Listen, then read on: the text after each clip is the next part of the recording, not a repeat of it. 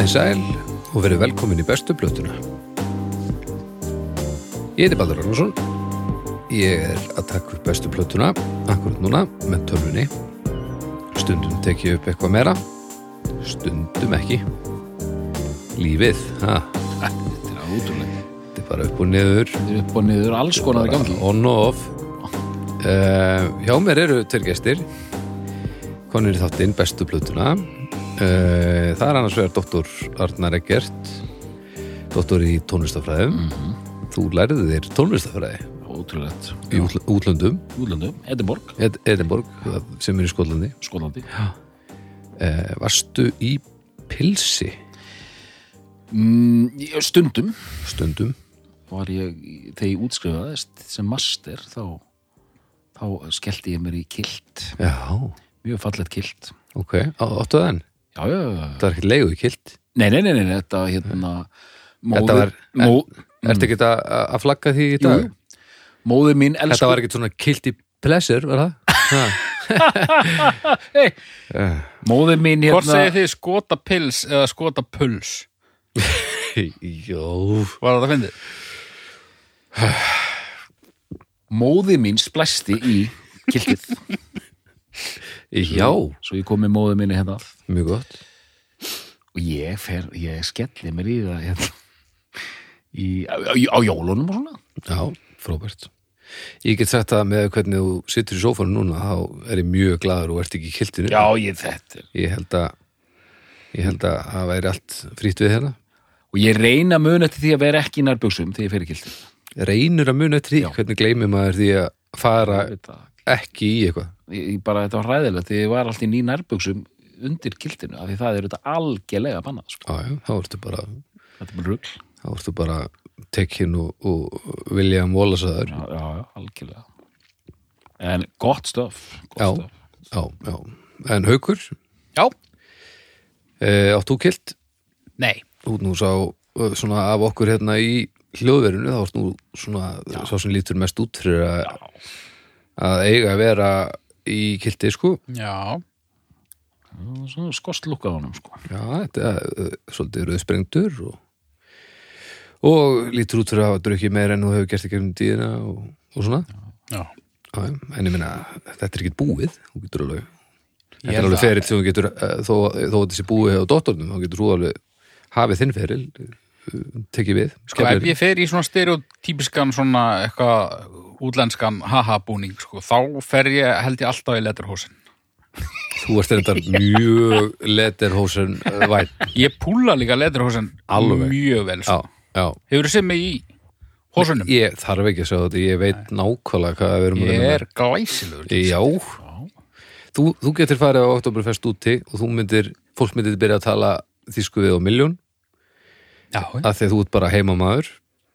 Ætla bara að sína ykkur mynd, sko. já, Aftur mynd? Já, það er. Já, það er Þið verið að tala, þá hann finna hann. Já, já, já, já. já, já, er sko En við hérna erum, já, hinga konir til þess að, að tala um músík og, og verkefni dagsins er nú eitthvað sem að ég veit að margir hafa beðið eftir ó já, frá því upphafi. Já, hreinlega. Það er, þetta poppar alltaf upp reglulega, þannig að það er nú ánægilegt að við séum að færa ykkur uh, þetta núna loksins í þætti hundrað og ég veit ekki hvað. við komum yfir 130 sko. Þetta er rossalegt sko.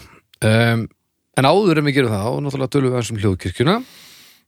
Hún er sum við sig, eru, þessa dagan eru að vinna með þrjá þætti, það er á föstum bestu platan, uh, á fimmtudöfum er að snæpi tala við fólk og lögadöfum er að listamenn. Um, og í hver einustu viku getið þið fundið alveg glóðvolgan þátt nýjan uh, af, af þessu öllu saman. Um, svo viljum við tala um styrtaraðila og það er sjóvá. já, svo Það er sjóvá, herðu býtur nú við. Þarna kemur uh, letterhosen mynd af hauki. Já, talandum þetta þarf að tryggja. Hegi? Jú, þetta er rosalegt lúk. og þú ert líka, þú brosir þetta er alvöru bros, ekki gerfið bros Nei, nei. sem þú gerir stundu þegar þú ert að reyna að samfæra aðra að þú sérst á heimaðalli þetta er heima, alvöru heimaðalli Sér þetta? Já, hérna Ég, ég er líka svo spengilegur hann. já, já, já, já, já. Já, og þú ert alveg tálkaður bara eins og Emil hafi búið þið til í, í skúrnum sko. hendu símar Já, þetta er rosa sko, þetta er, er einlæg gleðið þarna Já, ánæði með þig enda full ástæða til Triksi til að fá mig til að brosa er bara að taka myndina þegar ég er með sól í augun sko. það, það var gert það Já, já, já, ég skil, ég skil. En já, styrtar aðeilar, afsakið þetta. Já, já, sjóvá Það er, það er tryggingafélagið sem að var að aðstofa ykkur í síðustu viku við að, gera upp slis Jú, jú, búið að aðstofa mig nýlega við að, að hérna díla við hérna rakaskemmtir sem áttur sér staðin í veggjum hjá mér og, og, og það fekk nú allt saman bara farsælt ferli. Þannig að þetta það er gríðalega gott að, og nú er ég að fara að taka slurki því að, að ég, mér er búið að áskotnast ég múin að köpa mér nokkur hljóðfærin í sem á ég eftir að koma tryggja aftur. Og þegar ég verið að vinna í leikursunum og svona þá er ómettalega aðstóð sem maður fær frá fólkinu hjá Sjófá við að kortleggja uh, hversu virðið þetta er en mann er yfirsjóst eitthvað hvern, í hvað farveg er best að koma þessu þannig ef eitthvað kemur upp á þá er þetta allt saman í, í, í, í góðum málum. Það er mikilvægt að vera búin að hugsa fyrir hlutunum á þeirri gerast af því að það er ekki hægt að gera það eftir á. Af því að ef það mætti tryggja eftir á þá væri engin tryggingafélug sem var ekki farin á hausinn. Það er bara svo e, allavega þá, þangað til að tímavélinn náttúrulega e, það verið geggjað. Maður ætti tímavél, mm -hmm. myndi maður tryggja eftir á. Ha, öss en takk sjófá fyrir að taka slæðin með okkur. E, það gerir þetta allt saman miklu öðuldra og er ekki sjálfrætt þannig að takk fyrir okkur. En eigum við þá að, að fara að kíkja á þetta? Já, hvernig var það? það getur orðið nefnilega þetta er svolítið pakki.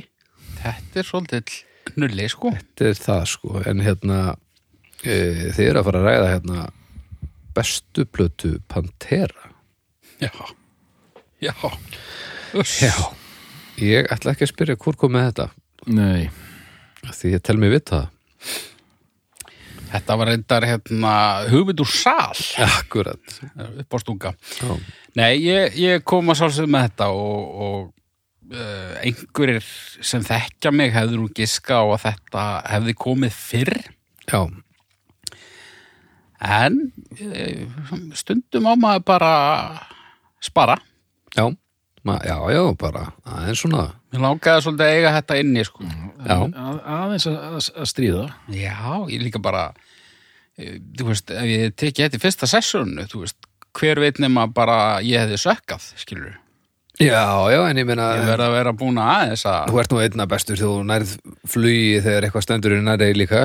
Já, og, kannski. og í, þetta stendur í næri Já, þetta gerir það sko. En uh, ég, ég, ég, Já, by, byr, byrjum bara. Ég vil bara byrja á því að, að bara að þú byrjir á að segja aðeins frá því hvað Pantera bara er í þínu lífi. Hvað þýðir Pantera fyrir þér? Já uh, Þetta er sem sagt bara fyrir grænjakslana þá er þetta sem sagt þungarokks hljómsveit frá Texas ríki bandaríkjana mm. uh, og þeirra fræðar sól uh, reis hæst á tíunda áratug síðustu aldar. Mhm. Ég kem inn í þetta band uh, mig langar að giska á 94 þetta er hann vetur 94-5 sem að hvorum megin sem að ég dætt inn. Mm uh, þarna var ég ekki búin að hlusta á þungarokk neitt rosalega lengi. Kannski, kannski tvö, tvö, tvö ár pluss Já. tvö, þrjú ár. Og þetta var svona þetta var skrefi lengra heldur en ég hafði farið í, í þingslum og, og, og djöfulgangi og þegar ég uppgötaði þessa hljómsveit þá ég held að þú veist svona músíklúðar þeir, þeir eiga nokkur svona moment bara Mm. og, og, og þetta er eitt af mínum sko. Já.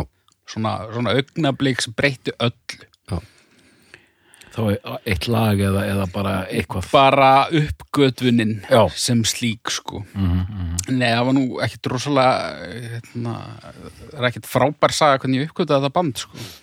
það var einhver brúðu þáttur á, á MTV ég man ekki hvað hann hétt þá var einhver tvær svona mjög tætingslegar brúður sem að uh, það var svona upplegg eins og býða sem bött það komur svona tónlistaratriða sem að brúðurnar slömmuðu og letu öllum ítlum látum við alls konar lög. Já, og hérna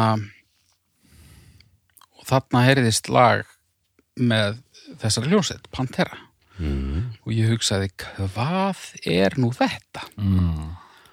Hvað er að og gerast? svo komst ég að því hvað þetta var og ég kannaðist við nafnið en það var ég þarna orðin lesandi tímarita á borði Kerrang og Metal Hammer. Mm en hafði fram að þessu bara þekkt þessa hljómsveita nafninu til og fundist þeir bara fyrir eitthvað ófrínilegir og lítið spennandi. Mm. uh, ég fór beinustu leið í skífun á laugaveginum nokkrum dögum síðar. Já, og bara kefti nýjustu plötuna sem að þá var komin út sko. Já, sem var þá sem far, far beyond. Far Beyond Driven. Far Beyond Driven.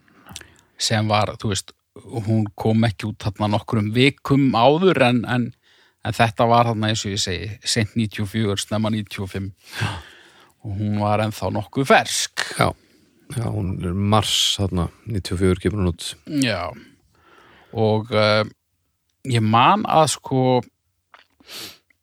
vorið áður hafði ég uh, fallið eiginlega í starðfræði Eiginlega, ég var settur í, já, eiginlega þegar þú vegna segir fallið eiginlega þá skil ég hvernig þú félst í starfræði af því að fall er svolítið on-off dæmi Nei, nema í grunnskóla þá hefur fall engar afleiðingar. Nei, nei, Það var svona það sem ég átti við sko. Já, já, já. En ég var settur í tossabekk. Já, og uh, þessi plata kom mér í gegnum veturinn sko og ég, ég hækkaði einhvern milli ára ég starfaði úr tveimur já, í átta. Já. Og það gerði ég með því bara að hlusta það sem kennarinn sagði upp hafið tímans og svo setti ég bara upp hernatólinn og, og dró fram diskmanninn og, og reiknaði með, með farbjóndrifin í eirunum hann að heilan vetur. Og uh, og það árangur. uppskar ríkulega Já, mjög gott. Já. og þannig að þetta er bara svona já, þetta er eitt, eh, þetta er eitt af þínum eh, mikilvægustu böndum. Uh, það er góð spurning sko. Ég, ég, við komum kannski því setna á eftir sko, hvar ég stend í dag. Ok, ok. Uh, því að það svar er kannski ekki auðvelt. Á, þetta er spennandi, mér, En, þetta eh, líst mér vel á. En sko, jú mótandi, bara eins mótandi og það getur orðið sko. þá færum við okkur hérna yfir á y- y- yfir til doktorsins. Hvað er Pantera fyrir þér? Já, ég hérna tengist eh, sagan þín eitthvað brúðum ok, þá er mín betri. Já, sko, ég er, ég ætla ekki, ég ætla ekki, ég ætla ekki að segja ég sé á útivelli, því ég er ekki á útivelli, en ég, ég er ekki með svona tengingu eins og haugur, sko. Ég er svona komin á aldur þegar ég frétta af þessu bandi, Já, en mín saga er svo að ég sagt, man ekki hver það var, ég held ég hafi fengið eins og gerðist ofta upp á 90 að þetta var einhvern veginn þannig að annarkvort var einhvern sem let mig hafa diska eða ég fekk lánaða diska og hefna fekk tvo diska sem hendu vel svona, á svona C90 segulband setur plötu hvorum megin á Mhm. og ég fekk þarna Cowboys from Hell og Vulgar Display of Power Mhm. þessar tvær plötur og ég tók þetta upp á kastuna og hlustaði á þetta sko. Og það hefur verið að gerast svona kannski 92-3 sko. Já. og svona fíla þetta og en á þessum hérna árum var maður að hlusta á og slatta af döðarokki og þrassi og svona. Maður heyrði að þetta var eitthvað öðruvísi. Sérstaklega fannst mér Vulgar Display of Power. Ég hafði aldrei heyrt svona músík sko að í fyrsta skipti heyrði ég eitthvað sem var mjög þungt en ekki endilega hratt. Já, það var svolítið svona game changer í mínum huga sko. Já, já og þú varst opið fyrir því.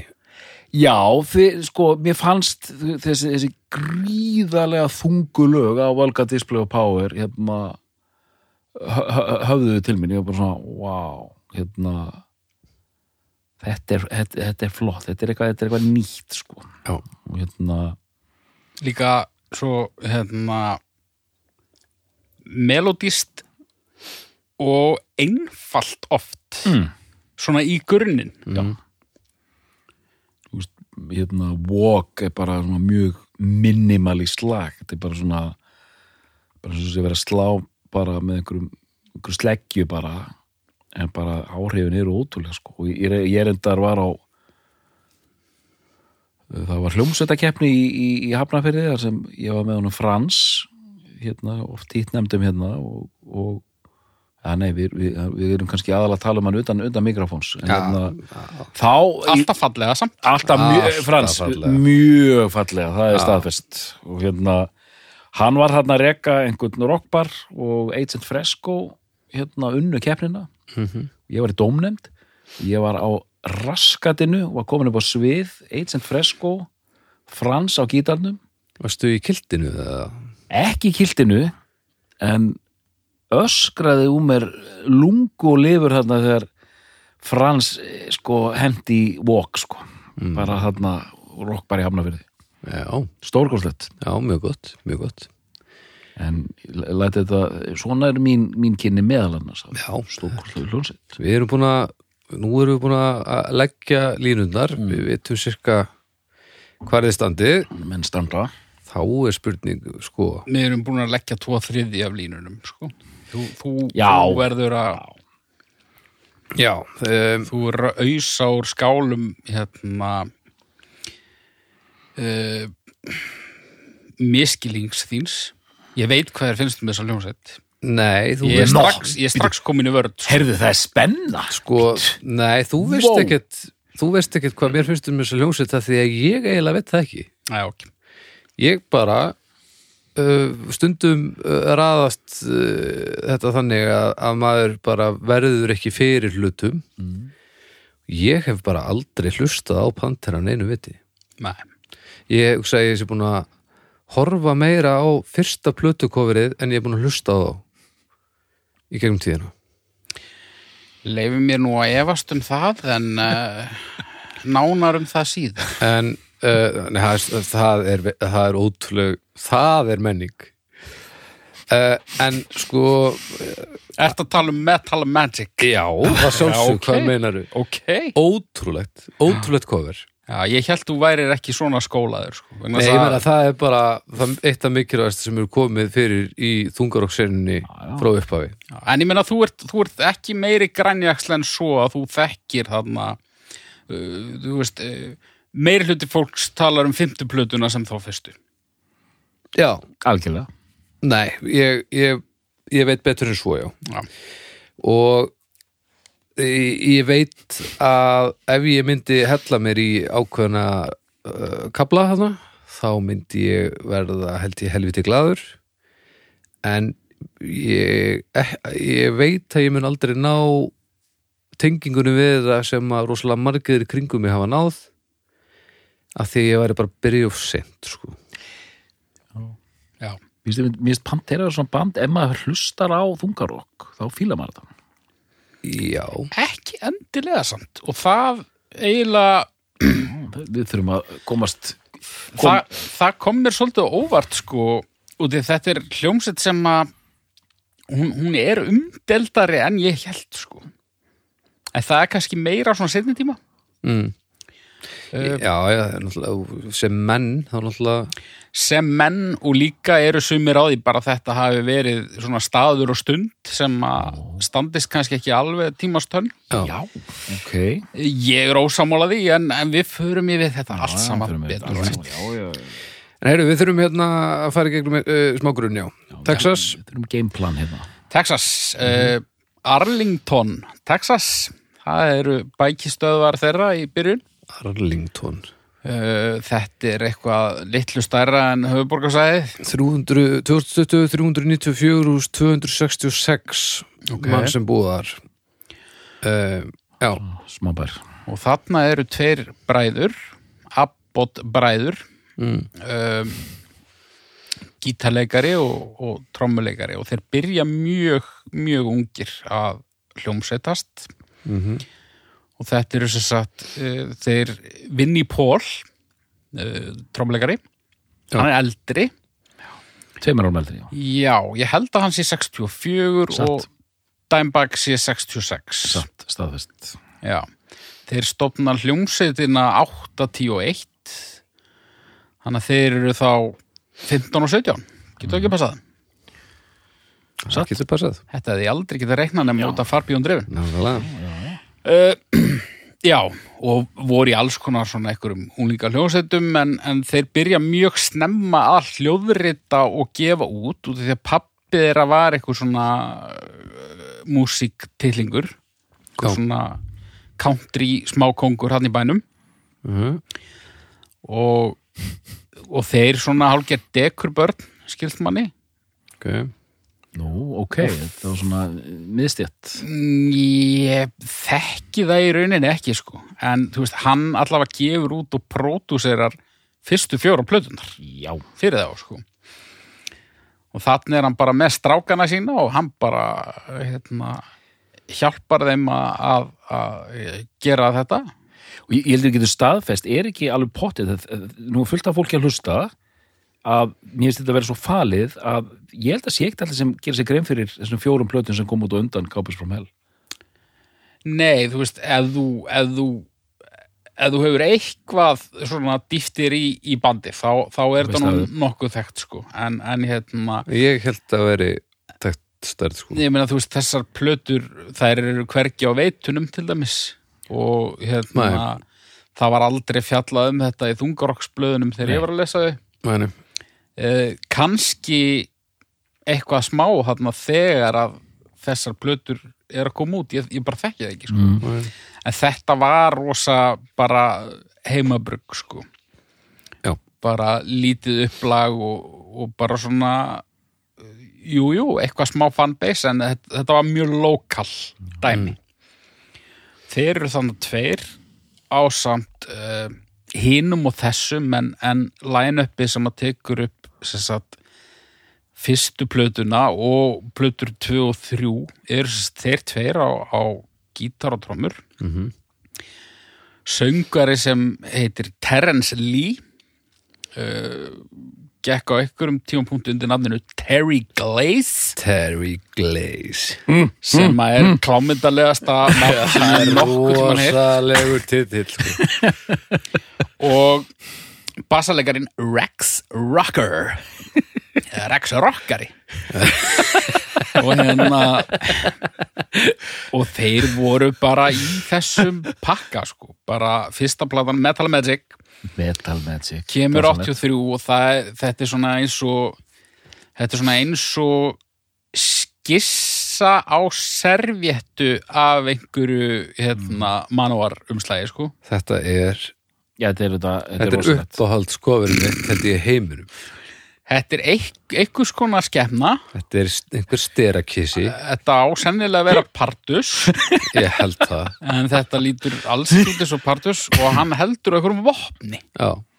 Ótrúlega ópraktískur vopni. Já. Þetta er- um, og þetta er bara blíjantstekning eða eitthvað? Þetta er efsta kommentið á, ég þurfti að hlusta á allar þessar plötur á YouTube og efsta kommentið á hérna, Metal Magic er eitthvað svona Hey, we need a cover, fast.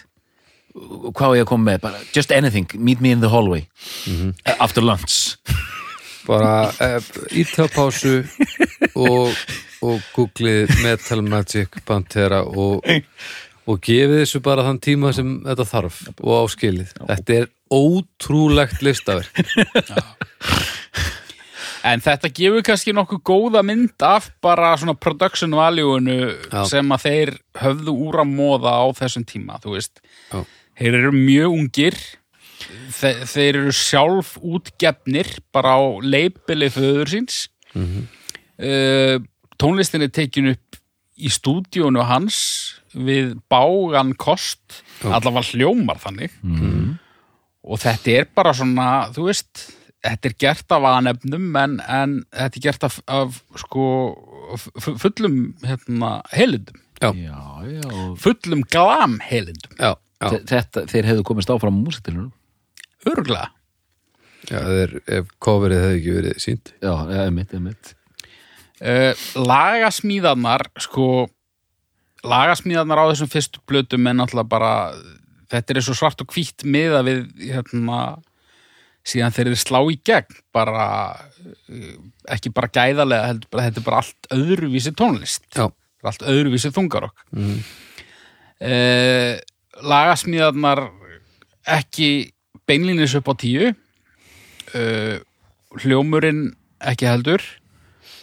En maður heyrir það fljótlega að gítarleikarin getur eitthvað og trommuleikarin getur eitthvað. Mm mhm, og mér, mér þótti svolítið merkilegt þegar ég svona ég sko Van Halen hafa alltaf verið nefndir sem eða þeir nefndu Van Halen mm, alltaf sem svona helstu áhrifavalda. Já, Van Halen var hljómsið sem ég þekkti voðalega takmarka þangar fyrir svona tíu árum eða eitthvað. Já, mér er svolítið gaman þegar ég uh, fór að kynna mér Van Halen aðeins betur. Út, út af því að mér fannst þetta svo skrítið alltaf að þeir væri að nefna Van Halen vegna þess að veist, já, þetta eru svo ólíkar hljómsveitir. En svo þegar þú ferða að kynna þér það band aðeins betur þá heyrir þú heyrir fullt sko, fullt af áhrifum sérstaklega í gítaleg já, já. En uh, þetta er náttúrulega allt öðruvísi músík. En, en, eins og fyrsta blanna, þetta er svona glam en þetta er svolítið hart glam. Þetta er svolítið hart glam en þetta er líka bara svolítið lélegt eða, þú veist, það er alveg sprettir þarna eða svona, við skulum segja vísir af einhverju af einhverju uh, á köplum en þú veist, þetta er bæði bara uh, það er ekki nóg mikið peningur á baka þetta og þeir eru bara of ungir og það er bara of mikið af hljómsveitum að gera þetta mikið betur annars staðar og þeir eru bara ungi, þetta eru bara krakkar Já, já. Og þú veist bara magnað upp á það að gera. En sko þessa fyrstu fjórar, við skulum bara fara svolítið hratt yfir allavega fyrstu þrjár. já, já, já. Þetta er bara, þá eru þeir á þessu glis, uh, á þessari glisvekkferð sinni. Önnumplata kemur ári síðar út, 84, Projects in the Jungle. Það er ekki- Það er sko, það er trillit, trillita cover sko. Eða túslit, ég veit ekki hvað það, það er, er, það er ekki handónit coverið það er heldur sko.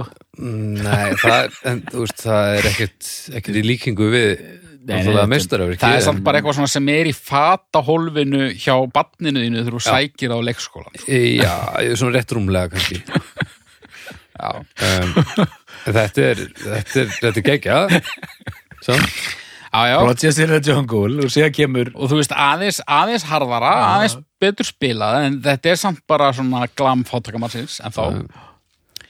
Uh, og fanbaseið væntalega stækkar bara svona jamt og þétt en við erum ennþá rosa underground sko I am the night það, ég elska 85. hana, elska hana plötu til I am the night sko þarna fyrst örlar ég sá þegar á Baldur var að sjá einhverjum- coverið sko það er, fí, það, nei, þetta er flott þarna fyrst örlar á einhverjum svona Þetta er bara cover sko. hérna big league ok, taktum sko finnst þið það? mér finnst platan ekki góð Mm. en hún sándar betur coverið er Mhm. svona þú veist, e- þetta er meira alvöru. Ok, þetta er ennþá glam og þetta er ennþá þriðjaflokks glam. Ok, ok. En þetta er harðara og þú veist þetta er, þetta er rosa svona bara þetta er alltaf eitt skref áfram á hverju plötu. Þeir eru að bæta sig. En þeir eru samt bara í þessu glamhjaki Já, og þetta er þetta uh, við erum með þarna glasúrin að syngja en þá er ekki. Já, þetta er síðasta platan sem hann syngur. Síðasta, já, Já. Og, og þú veist, það eru alveg lög hérna sem að eru skýtsamleg sko. Já.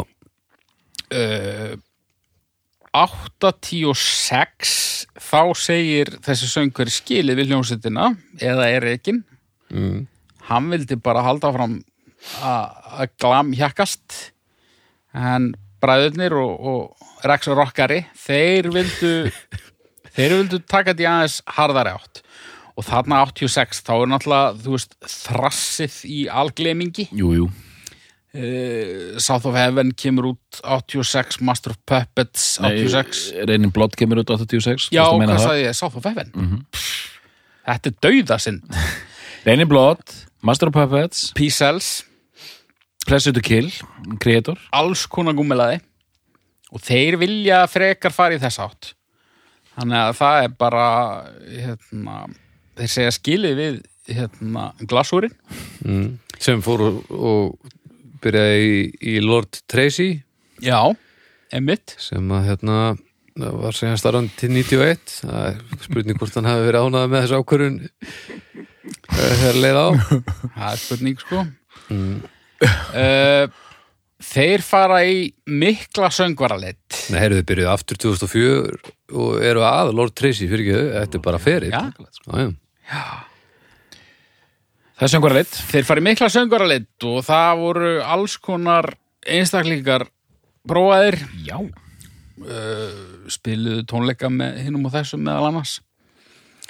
Uh, en þeir enda á því að prófa New Orleans Mhm. pilt að nafni Philip Anselmo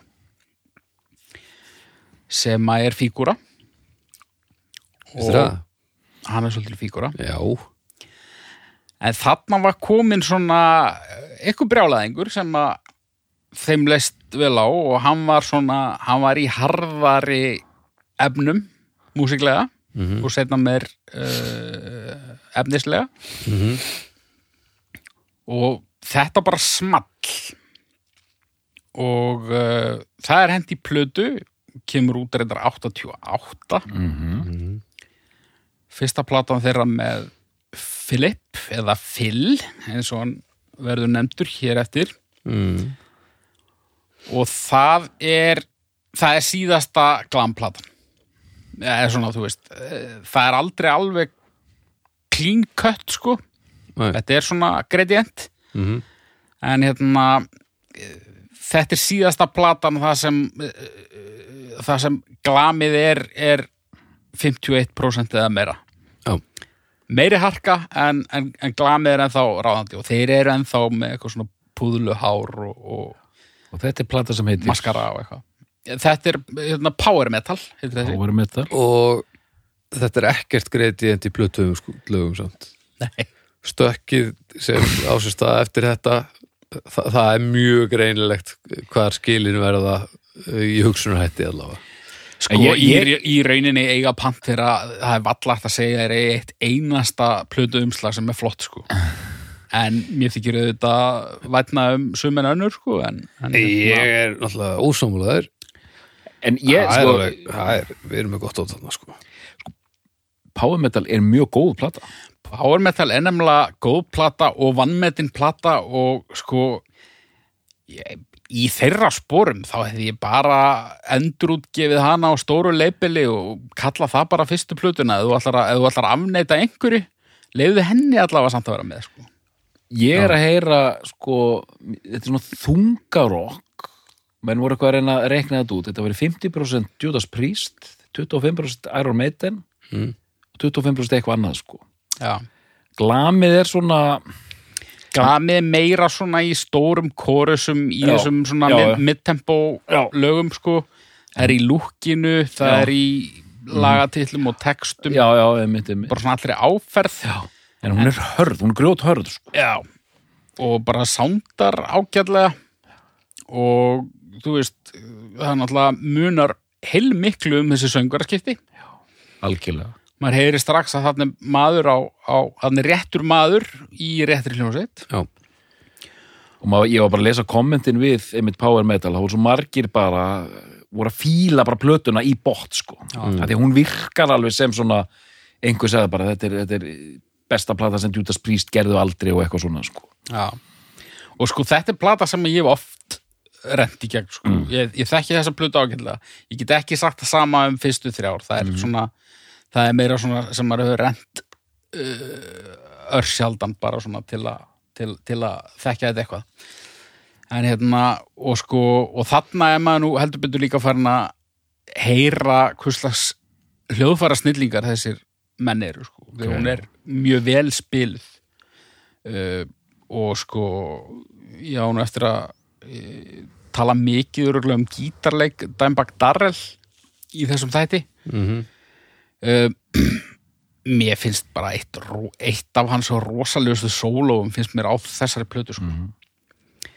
uh, en svona að vantar þennan herslu mun bara þú veist sem kom næst Mjög algjörlega, og það er allir lagatillanir eru hallarislegir einhvern veginn sko.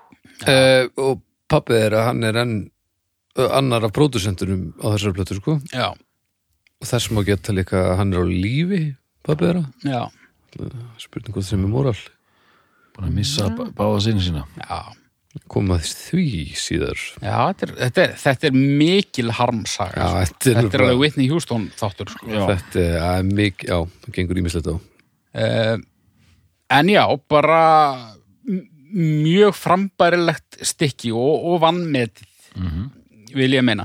En þessi herslumunur sem að ég vil meina að sé þarna á þessari plötu næstu, það er bara sound. Það er, hérna, þeir hrista af sér þessa, hérna, eh, grímubúninga þarna, þessa glam grímubúninga. mm.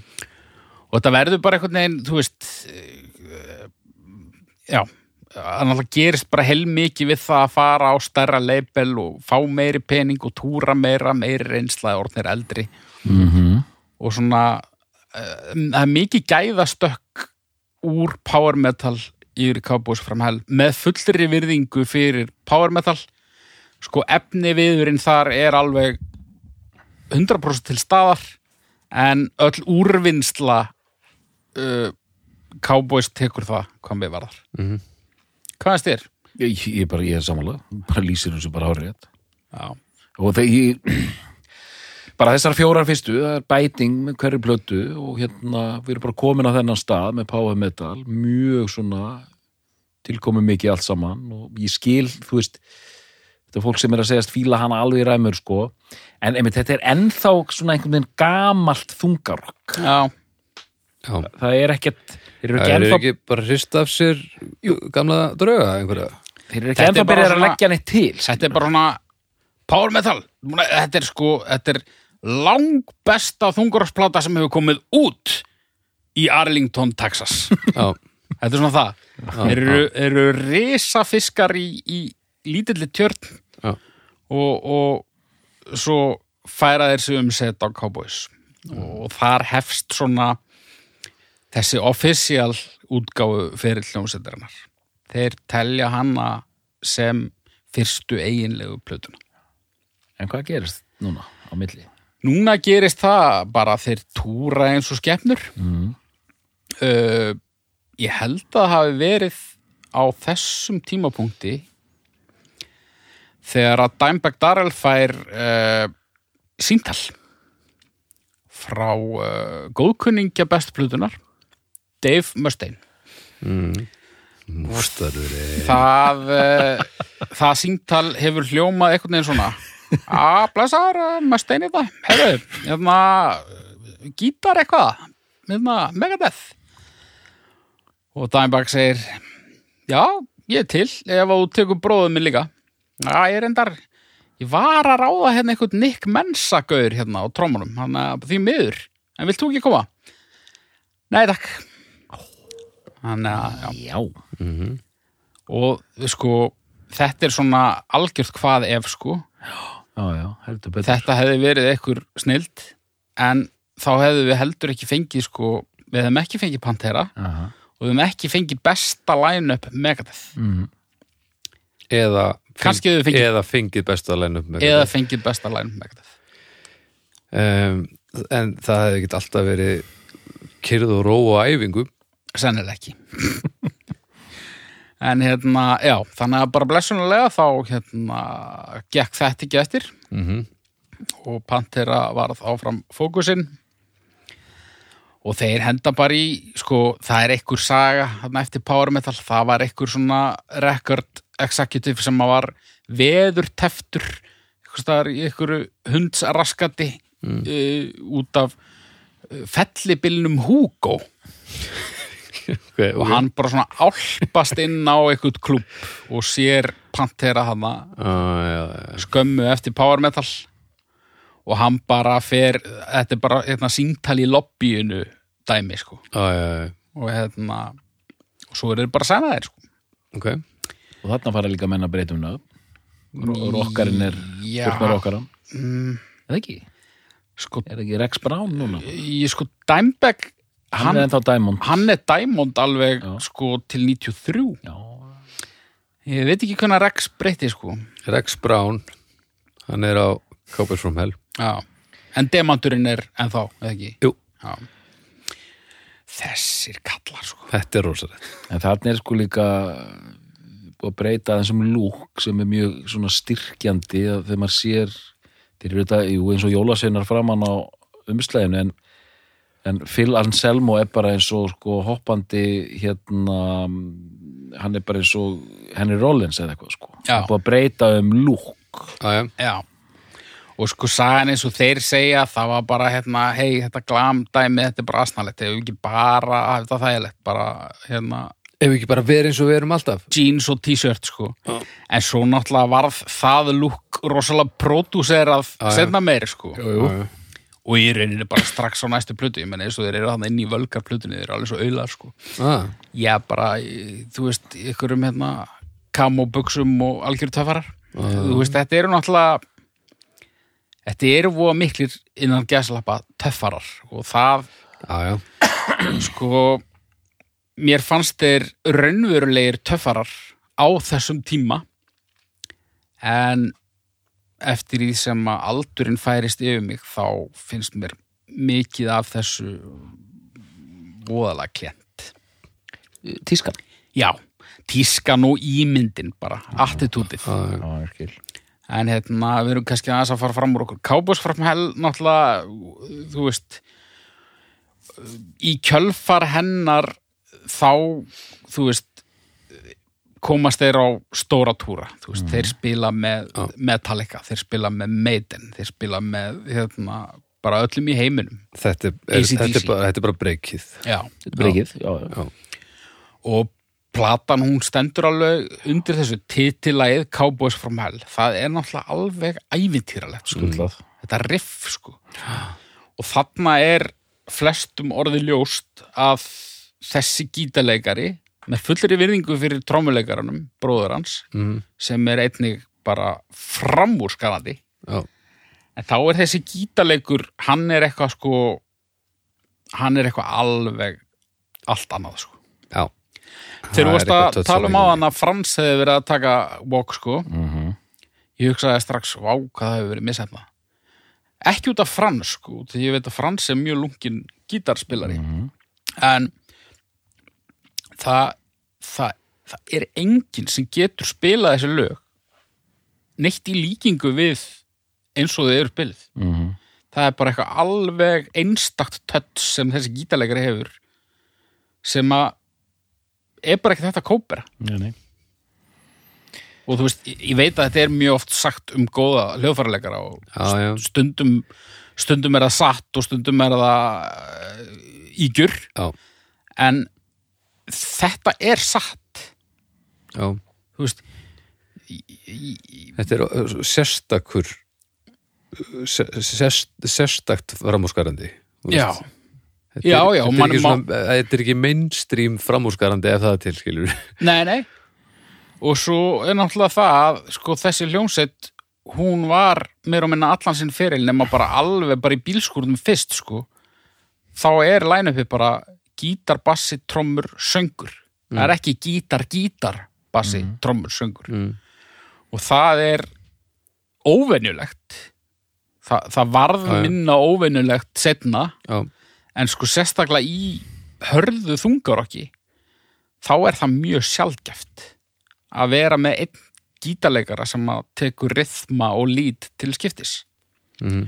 og til þess að það gangi upp þá þarf bassalekarinn að vita hvað hann er að gera og. Og þar er rockarinn Rex uh, ansi góður haukur í horni Rex, Rexin Brúni já, En mér hann. sérstætt eh, með þegar ég var með þessar tvær plötur undir kassetunni, mér fannst uh, Cowboys from Hell síðri að því að býtu vastu með Power Metal og Cowboys á kassettunni þannig að 90 og eitthvað Nei. nei, Cowboys og Völgar já, já, já, já, já. mér fannst hérna bara til að gefa ég var auðvitað í mik ég var í mjög hörðum pælingum þá. Þannig að Cowboys var of mikið þrass, sko, þess að söngurinn. Já. þetta háunótunar voru ekki að gera neitt fyrir mig. Mm. Halfordin Halfordin var ekki að gera neitt fyrir mig.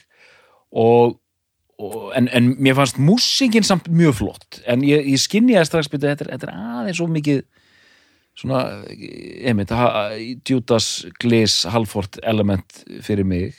Já, en ég tók eftir að svolsögðu og maður lasi svona til um þetta hvernig, hvernig, hvernig hann hann Dæmbak er að setja inn þetta suðuríkja grúf. Mm. bara svona Linnert Skinnert feeling inn í þetta. Er, er það ekki rétt hjá mér? Er það, það er alveg einstakt? Jú, sko mér finnst ekki bera mikið á því á eins og Cowboys, sko. Mhm. uh, en, en en hans bakgrunnur samt gítarleikurinn er einstakur þar. Ég, ég veit ekki hvort það er eitthvað suðuríkja þing eða hvað það er en hérna en sko, ó, það er svo óþólandi sko. Náttúrulega þeir tjúna sig sko þeir tjúna sig eitthvað einum fjórða ofar, Eða þeir eru svona á milli tjúninga alltaf Nú, sem er óþólandi þú veist þannig að þú ætlar að spila með þessu. Já, þá þurftu að já, þú, þú getur ekkert eitthvað að vera að spila með þessu og hinu og svo pantera og svo einhverju öðru. Þú ert að tjúna sérstaklega fyrir hverja plötu í, í hérna eitthvað svona millitóntegund en þú veist Já, þetta eru samt standard tjúningar bara annarkvort standard eða, eða drop mögulega, ég, ég, ég þekki það ekki eitthvað að droppi eflust en, en sko það er eitthvað þú veist þegar þeir eru í D þá yfir ekki D, heldur D og svo svona eitthvað aðeins yfir. Eða já aðeins þeir eru basically standard syns mér uh, þess að uh, standard er 440 það er það sem við erum að vinna með venulega já, þeir eru 430 og það er svo óþólandi það er, það óþólandi þetta er já, það er svona. Og þetta, það var eitthvað pæling með þetta. Bara þú veist, hérna. Skilja sig frá öðrum í Já, bara vera, vera leiðilegir sko. En hvernig finnst þér, sko, mér er svolítið þægilegt að ég veit ekki ennþá hvaða plata er best að mati hugs en hvernig finnst þér Cowboys? Miss Cowboys frábær sko. og þú veist, það er á henni þú veist, bara eins og eins og power metal það er svona leifar af glami á henni en Hvenær fer að kaupa aftur á bakk? uh, ég fer að kaupa bara, ég, ég kaupi Farbjón fyrst Mm -hmm. og svo bara beinustu leiði völgar Mhm. sem platan auðvitaðan og, og svo Cowboys Mhm. svo heyri ég þessar fyrstu fjórar ekkit fyrir bara Nei. með tilkomu internet sko. en hérna já þannig að, þannig að já, þú getur bara tekið educated guess hvaða plötu ég vel sko það er náttúrulega bara farbíðum drifin sko bara pjúra tilfinningarögg en Mm. ég ætla líka að færa eðlilegur rögg Já, já, mér líst mjög vel á þetta. Ég var nefnilega, ég var farin að emitt, ég var búin að giska á ég hugsaði, hvað var haugur gamall þegar Farbjörn Drifun kom út? Mm. já, ég hugsaði bara, hann var 14 ára. Ok, það gæti orðið hún. Hann var 16 ára þegar hérna hérna, hérna Southern, hvað heitir hún, Proof Great Southern Trendkill já, ég hugsaði, það gæti orðið hún. Og hérna en síðan sko síðan er það hérna bóla valið sko, sem, sem ég er, er að fara enda á. Völgar. Já, Já. sem er einmitt algjört bólaval sko. en eins og sér, tilfinningarök en já, höldum áfram.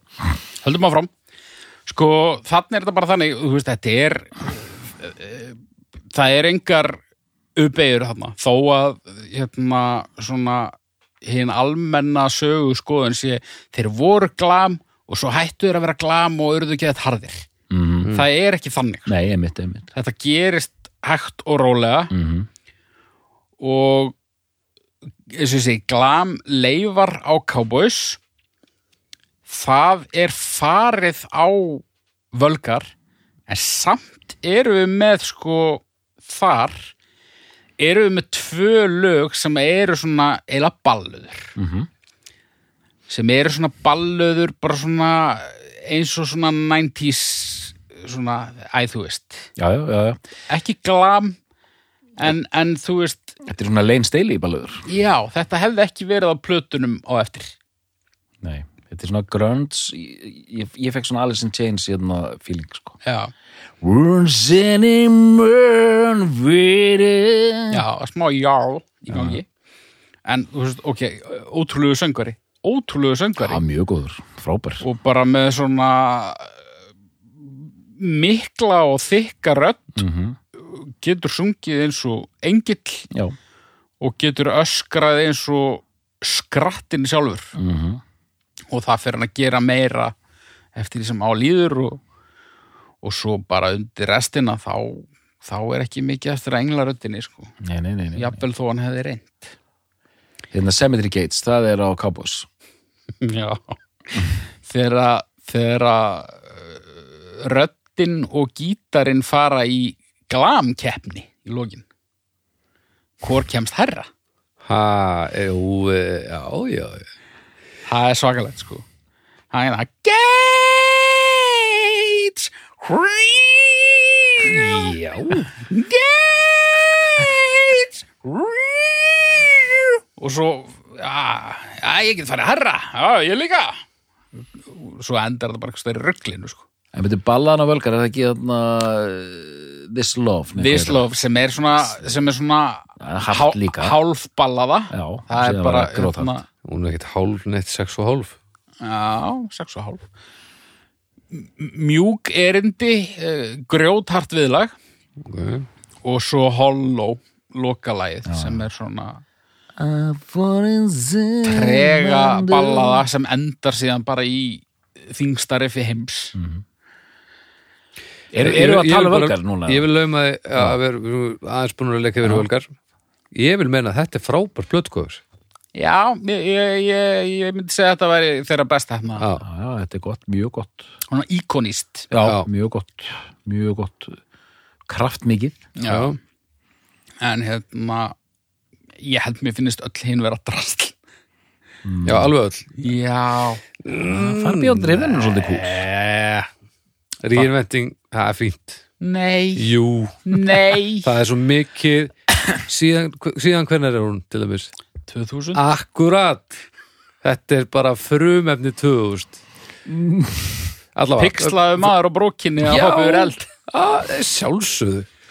Já, það er sjónarmið sko, En já ég get alveg talað fullt um vulgar sko, þó að hérna Já, við verum að tala um hana Já, ég meina að þú verður að gefa við verðum að gefa þessu svolítið það er búið að beða svo mikið um þetta í svo langa Já. tíma að þú verður aðeins að staldra við af því annars verð, verður við drefnir já, ég, ég, ég ætla að lefa doktorinn maður Já, að tala nú sko, völgar, sko, er Ég set völgar á reglulega, sko Það er eina panteraplatin sem ég set á bara reglulega Því ég þarf að fá þetta hérna bara og mér finnst sko sko, mér finnst þetta ekki eðlilegt sko, og þú verður með mér hérna haukur. Hérna sko, eh, fyrsta lagið hérna, hvað heitir það? Mouth for War. Ma- þú veist, það er bara, svona það er bara svona out of the gates. Þetta er eins og hérna gladiátorarnir sem, hlaupa hann út í gladiátoramyndinni sko. það er bara svona búm það er bara svona bara svona hleypur á því lagið sko og maður er svona wow og við erum ok síðan kemur næsta lag. Illskot, sorry. Já, ég ætla að byggja um hjálp frá hlustendum núna. Og því að Mouth for War það er eitt af fáum lögum það sem Phil Anselmo hann semur aðal riffið í því. Já, ég veit ekki hvað er verið að tala um þegar það er verið að tala um aðal riffið í War og ég er sko í mörg ár búin að reyna að komast að því hvaða djöfus riff er verið að tala um. Er verið að tala um þetta fyrsta sem er intro riff þannig lagað og síðan kemur svo fyrir við Suðuríkjasvingið það mætti segja að það væri kannski aðalriffið, ég veit ekki en er versriffið, er það aðalriffið Ef einhver talar um versriff sem aðalriff þá er við komið druglinu en það kemur samt inn á undan versinu þessi þrjú riff koma öll í röð ah, Og svo heldur þetta áfram í er flókið þannig að ég veit ekki hvað af þessum riffum fyll á, Hlustendur að en það þau eru öll frábær. Ég ætla að giska á að það sé verið að tala um versriffið. Mm. og þeir minnst það svona mér finnst það svona minnsta gítarleikara riffið en minnst það samt flottast. Já, já. en já, ég vil, ef einhver hlustandi veit þetta, þá langar mér mikið að vita. Mm Síðan bara kemur lag nummer tvö A New Level og, og lagatillarnir eru orðnir svolítið cool sko, þetta er bara eitthvað svona wow, hey, hvað er hann að meina þarna eitthvað svona, svona earth song hérna tillar einhverjir svona New Level ú. hann er fann að syngja með svona hardcore Já. alveg og bara hvernig hérna það lag er ekki eðlilegt sko, svo flott svona, hvernig það svona þessi breakdown kaplar sko allt Já. stoppar og séðan fer, fer allt á stað og maður er bara svona, holy moly sem kemur lag nummer þrjú, walk og þú veist, þetta er orðið svo þungt og, geggjað eitthvað. Er This Love nummer fjögur eða? já. Já, og þá var svona aðeins slakað á.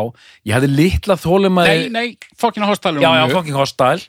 Þannig að þetta er að hún algjör sturlun sko, hérna, fyrstu fjögur lögin algjör geðu ekki sem kemur This Love sem svona ég hafði ekki mikla þólimaði fyrir lögum eins og This Love á sínu tíma en núna fíla ég þetta miklu betur Og það, það er rosa gott að fá það á þessum tímapunkti Já, á já, já. plötunni. þetta er mjög- vel hérna, þessu, vel stilt upp Já.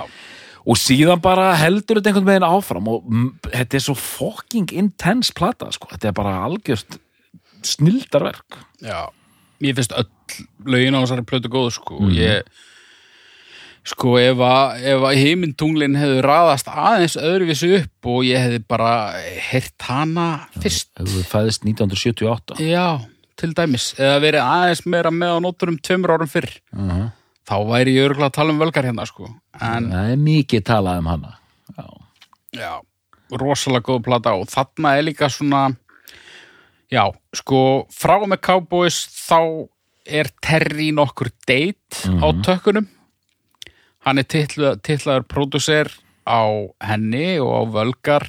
Einhvern tímapunkti fyrir þetta að vera Terry Date og Pantera eða Terry Date og, og Abbott bræður Mm. En svo kemur ekkur, ekkur hérna, bara úr uh, rótkrúnu þeirra sem er titlaður pródúser á síðustu plötunni á samt hljómsettinni en svo kom út nýverið eitthvað skonar uh, eitthvað svona endur hljóðblöndun frá þeirri deitt einmitt, af þeirri plötu En það, hann Eh. er sérst uh, þeir bræður eru ekki titlaðir fyrir en bara á síðustu plötunni sko. Já, er það? hann er einn þarna alveg fram að því og svo er hann ekki titlaður hérna. Ok. Á síðustu. Já, en sko En völgar hérna- gerir þá þetta algjörum risum og MTV stjörnum. Já. Já, Og það sem ég ætla að segja með Terry Date er það að hann kemur með þetta sem vantar held ég. Já, já, já, já, Þú veist, hérna einmitt. það er með hans tilkomu sem þetta verður alvöru. Já, já, það eru alveg grjótart hann er nú búin að gera eitthvað í gegnum tíðina. Aðeins. Aðeins búin að koma inn á, inn á, inn á músík. Tjöfull er hann búin að gera margt. Frá 84 þá byrjar hann að döflast í þessu og á listanum eru bara Dream Theater og Soundgarden og Overkill og Pantera og Dark Angels uh, það er bara allt að gerast. Hann er, svo, hann er svolítið í vagginu og veltunni. Já, Incubus og Steind og Limp Bizkit þarna er bara í, bara í röð. Nöss. Þarna og Limp Bizkit, Limp Bizkit, Snoop Dogg Soulfly já, já, þetta er allt eins og það að vera bara en eins og þú segir, Slipknot. vídjóin mm -hmm. sko, vídjóðu fyrir Moth Frúar það er nú það er nú hérna, það er ekki tímalust nei, nei, en, en það er ógeðslega kúl og sérstaklega ef þú ert hérna, 14-15 ára að sjá þetta í rauntíma þá er þetta náttúrulega að svalasta í heimi. Einhver krúnurakaður tattúveraður hérna vöðvaður drjóli já. öskrandi í mikrofónin og með svona í- íglir sig. Ygglir sig. Og þetta er svona þú upplifir ótta. Já, uh, en það líka einhver kynþokkið þarna. Já, já, já, mitt, mitt þetta er sveitt. Já.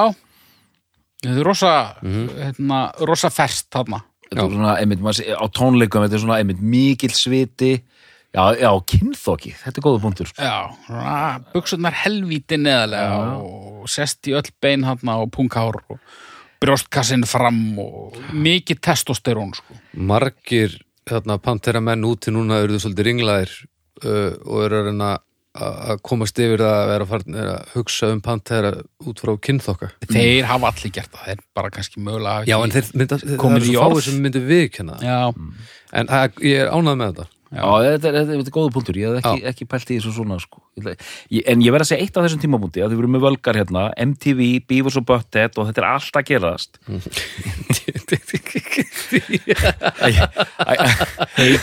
Haukur í, í grjónapúðanum í garabænum alveg bara. Þetta er rosalegi tímar maður.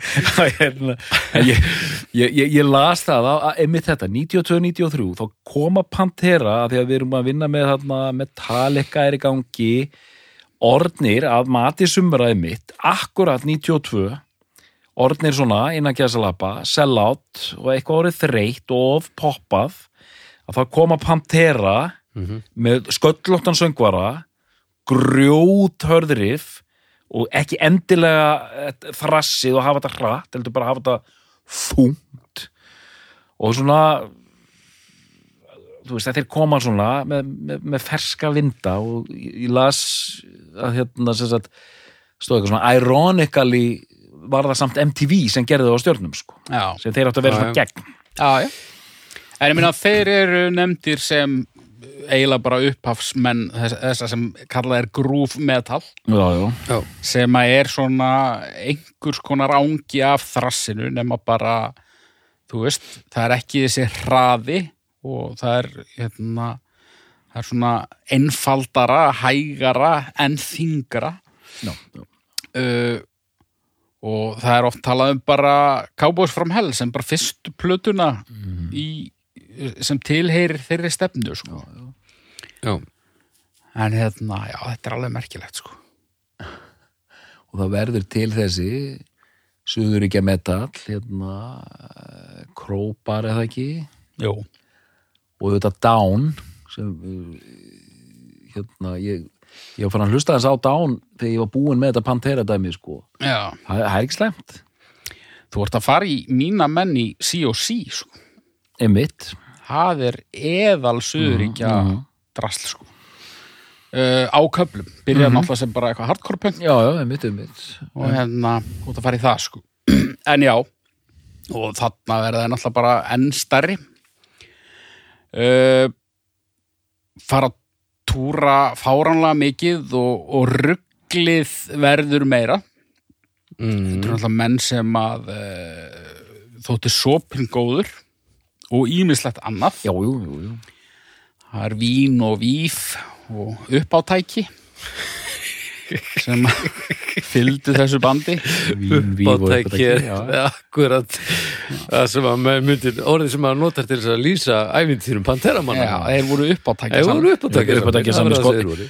Uppátækja sami skóllar Já, já, maður horfði á þessi Vaff HS myndbönd sem er gáf út af, af hérna, tónleika eh, ferðalags lífinu manni þótti þetta það fyndnasta og svalasta og bara eftirsokna verðasta sem maður hafði séð bara þar til Lamb of God gerði það sama Úff, já, ég, það, var, það var bara sennilega mómenti þar sem að ég áttaði mig á því bara, vá, þetta er alveg glatað.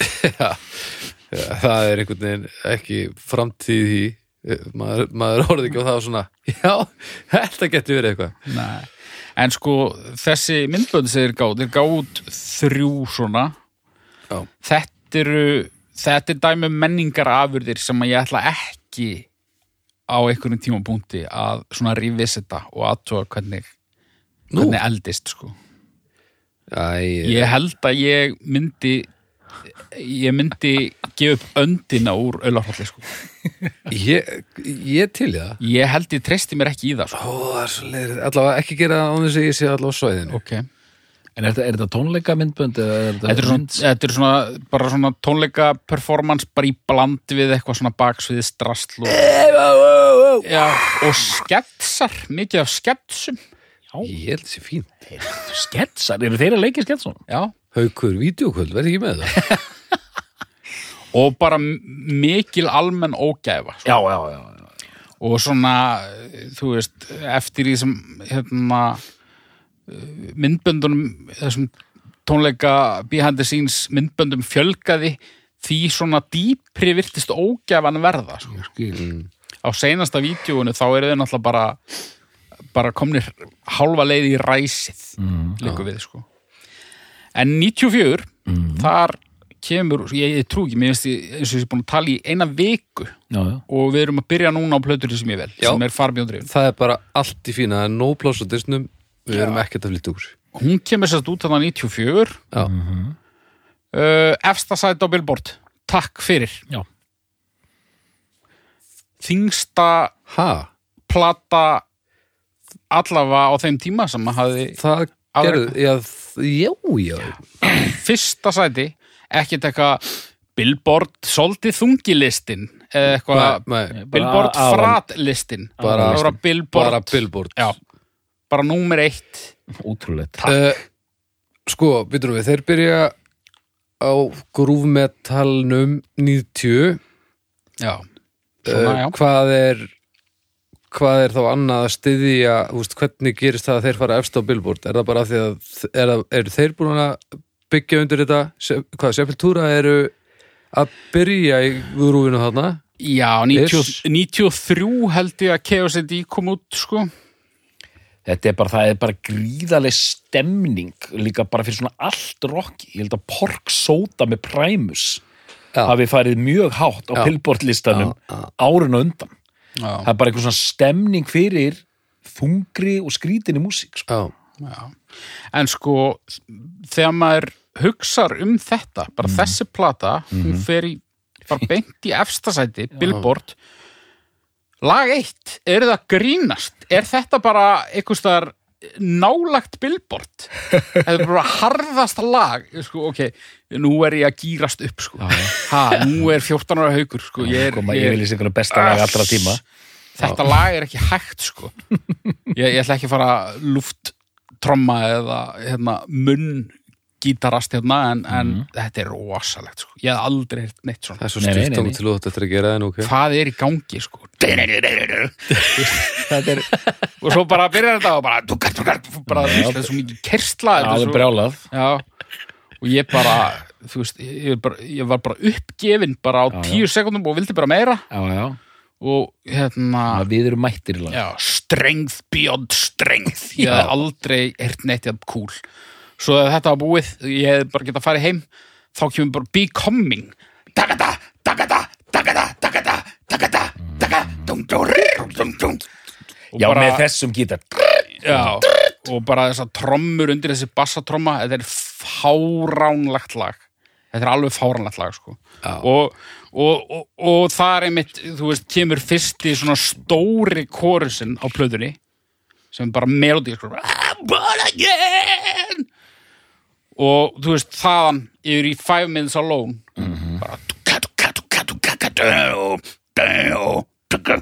og það er svona walk pælingin já, bara svona já, mitt leikskóla riff sem Mhm. er samt svo mikil snild og spilað þannig að þetta bara einhvern veginn virkar 100% Mhm, og bara svona já, uh, platan byrja bara á fjórum mjög þungum hnefum í smettið. Já, já. þessi þrjú lög og svo I'm Broken sem er hvað, fyrsti singull? Já. já, Nú, mikið, mikið, mikið spilað já En Broken var fyrsti singull Já, þar, þar erum við með Suðuríkin alveg í riffinu sko.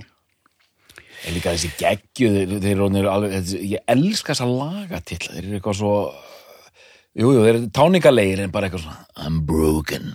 Þetta er mesta 90s hérna lagatitill bara ever, sko. Já, já, svo hann að tala um þetta bara, já, ég samdi þetta lag, var eitthvað gauður með stælaði með backstage, ég samdi lag um veist, það er allt svona. yeah. Já, þetta er, þetta er, þetta er hérna væpið, sko. Já, en ég meina, þetta er, þetta er bara eins og að vera Já, þetta er bara tóð. Þetta er allavega betur en á Metal Magic það sem er opnu og Ride My Rocket Right My Rocket, já. Já, Latest Lover Þetta eru titlar en sko, lag 5, það er raun hundur. Já! Já. Það eru tveir hundar á þessari plötu, sko. Það, er- hún, hún er tollaga. Já, já, Það er einn, sko, skelvilegur hundur. já, Það er einn svona hálfhundur. já, já. Það er eitt cover í lokin sem telst eða ekki með, Planet Caravan, Planet Caravan. Og svo er eitt lag sem að ég er svona, nee. Planet Caravan var annars singull bæði. Já, einmitt. En, en sko eftir standa átta lög sem ég finnst öll stórkostlega. Já, ok, ok, já. Hver, er raunhundurinn? Já, Raunhundurinn er lag nummer 5, Good Friend and a Bottle of Pills. Það byrjar á einhverju svona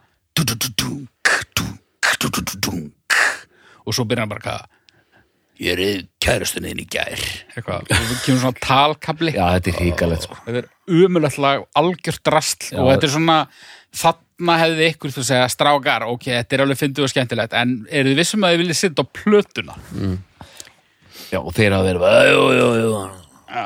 yfirlýsing, statement. Ekki gott lag. En hver er hálfhundur?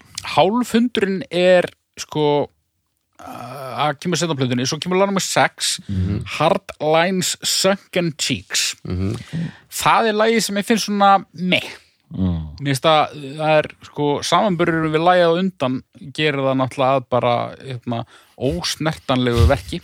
En mér finnst það svolítið það er svona langt og þunglamalegt en það er ágætt. Og sólóið í því er, 7-0 ein já, sólóið í því er frábært. Okay. Hanna fjögur lög bestu lög í heimi. Mhm. uh, Pilluhundur verst lyktandi pilluhundur. Allra tíma meh já, og þá eru komið lag sjö sem besta lag í heimi. Já. Slótert það er rosalegt. Sko ég get alveg munn gítarað þetta allt sko. Ég ætla, samt, ég ætla að reyna að hemja mig sko. Ég Já, ætla að ég verða bara- ratt, rattlus bara smá.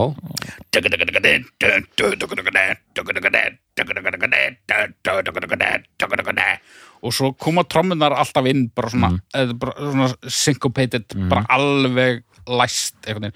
Og Vinnie Paul alltaf, maður getur runga sér endalaust yfir Dimebag sko, en Vinnie Paul er alltaf fáralegu trommar líka. Já, fáránlegur. Og bara að þessi að, þessi maður bara, þú horfir á hann og hann lítur út bara eins og bækar sem er nýbúin að borða annan bækar hann lítur þannig út. Og bara þessi maður geta eitthvað trommað það er fáránlegt. Og hann getur trommað svona vel, það er fáránlegt. Já. Hann lítur bara út fyrir að nenni ekki að móka. en Slóter er ótrúlegt lag sko. Uh, þá komum við að hálfhundinum sem er 25 years. Five years. Mér finnst það svona leiðilegasta riffið á plötunni.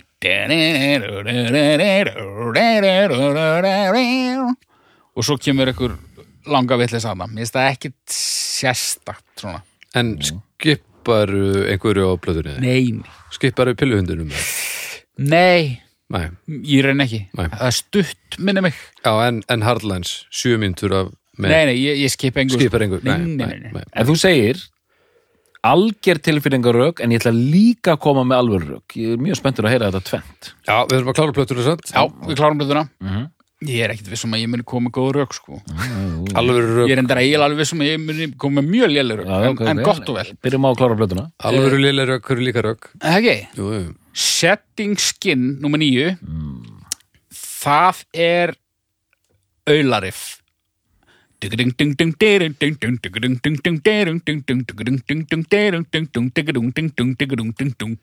Gáski. Í- Já, smá en þetta er svona þe- þetta lag er glúrið. Já, þetta er já. það, það er einhvern veginn þetta, þetta aulariff sleppur alveg sko.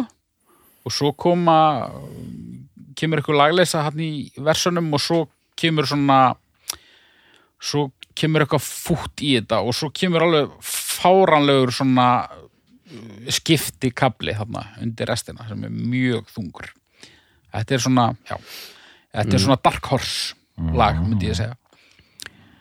Uh, Use My Third Arm. Mhm.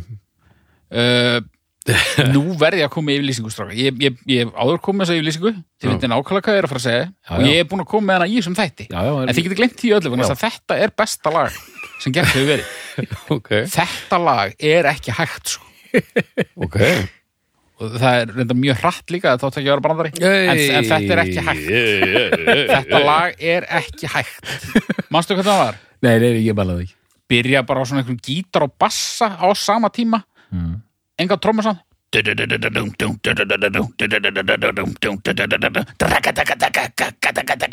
og svo fer lagið á flug og svo, svo kemur bara eitthvað svona hálgerður svona hálgert blastbeat þarna. Ok, ok. Bara, þetta lag er fáránlegt sko. sjá þetta live ég, ég, ég, ég er bara orðlaus sko. Þetta er þetta er harðasta lagið á plötunni ég held að það sé harðara heldur en fyrsta lagið Ok, uh, uppáhaldslæði mitt á plötunni sennilega um, Throws of Rejection það er bara svona bara svona uh, í orðabókin eða þú flettir upp groove metal þá er það lag sem Já, er þar. Já. mjög gott lag. Og svo hérna Planet Caravan Já, ok. sem bara einhver sabbað lumma hann í lokin, bara fínt. Og þið gera, gera er svolítið straight cover bara. Já, Hvað verður séð á oft live? aldrei. Já, já, þegar, þegar maður sér þetta live þú ert bara að vísa í Já, bara YouTube sko. Já. Já, já, Það er saga að segja frá því. Við skulum, seg- við skulum koma því síðar hérna. Hérna, Hvernig mér gekk að sjá Pantera live. Hva, Hvernig er þetta að fíla Farbjörn Drifin? Sko, ég kom bara uh, svona, ég kom svona kaldur að henni sko, ég er henni þekkt hann ekki sko. Í alvörunni? Sem er í lagi mitt svona Það er eins og bara gaur sem ég þekkti einu sinni sem að þegar var nú 21 þá sagði mér að hann hefði aldrei smakkað egg. Ég bara, ha? Nei, þú ert að djóka. Nei, akkur ekki? Mér er aldrei langað þess. Þannig að ég kefti hann um egg og hann borðaði og hann fannst það fínt. Þetta er, hérna, Mér finnst þetta svona álíka sko.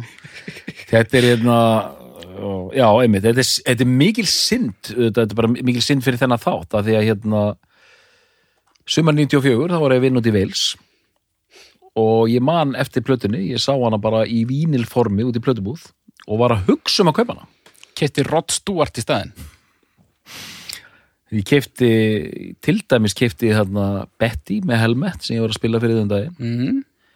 Ég kefti Super Unknown með hérna Soundgarden. Og ég skil ekki að því ég var mjög spenntur. Ég þekkti bandið Pantera en kefti ekki þessa blötu, sko. Þannig að Nei, ef ég hefði keft hana, væri ég örugglega að tala, tala einhvern veginn öruvísi. já En hérna, en sem var að flækjast fyrir mér, hérna, að því að svona þessi, hvernig þið hefur verið skrifað um þetta, Gappars from Hell og síðan kemur Volgar Display og Bauer, sem eru bara svona hápuntur, að þetta hefur verið fyrsta platan sem svona, að það sé svona fara að högta í vélinn.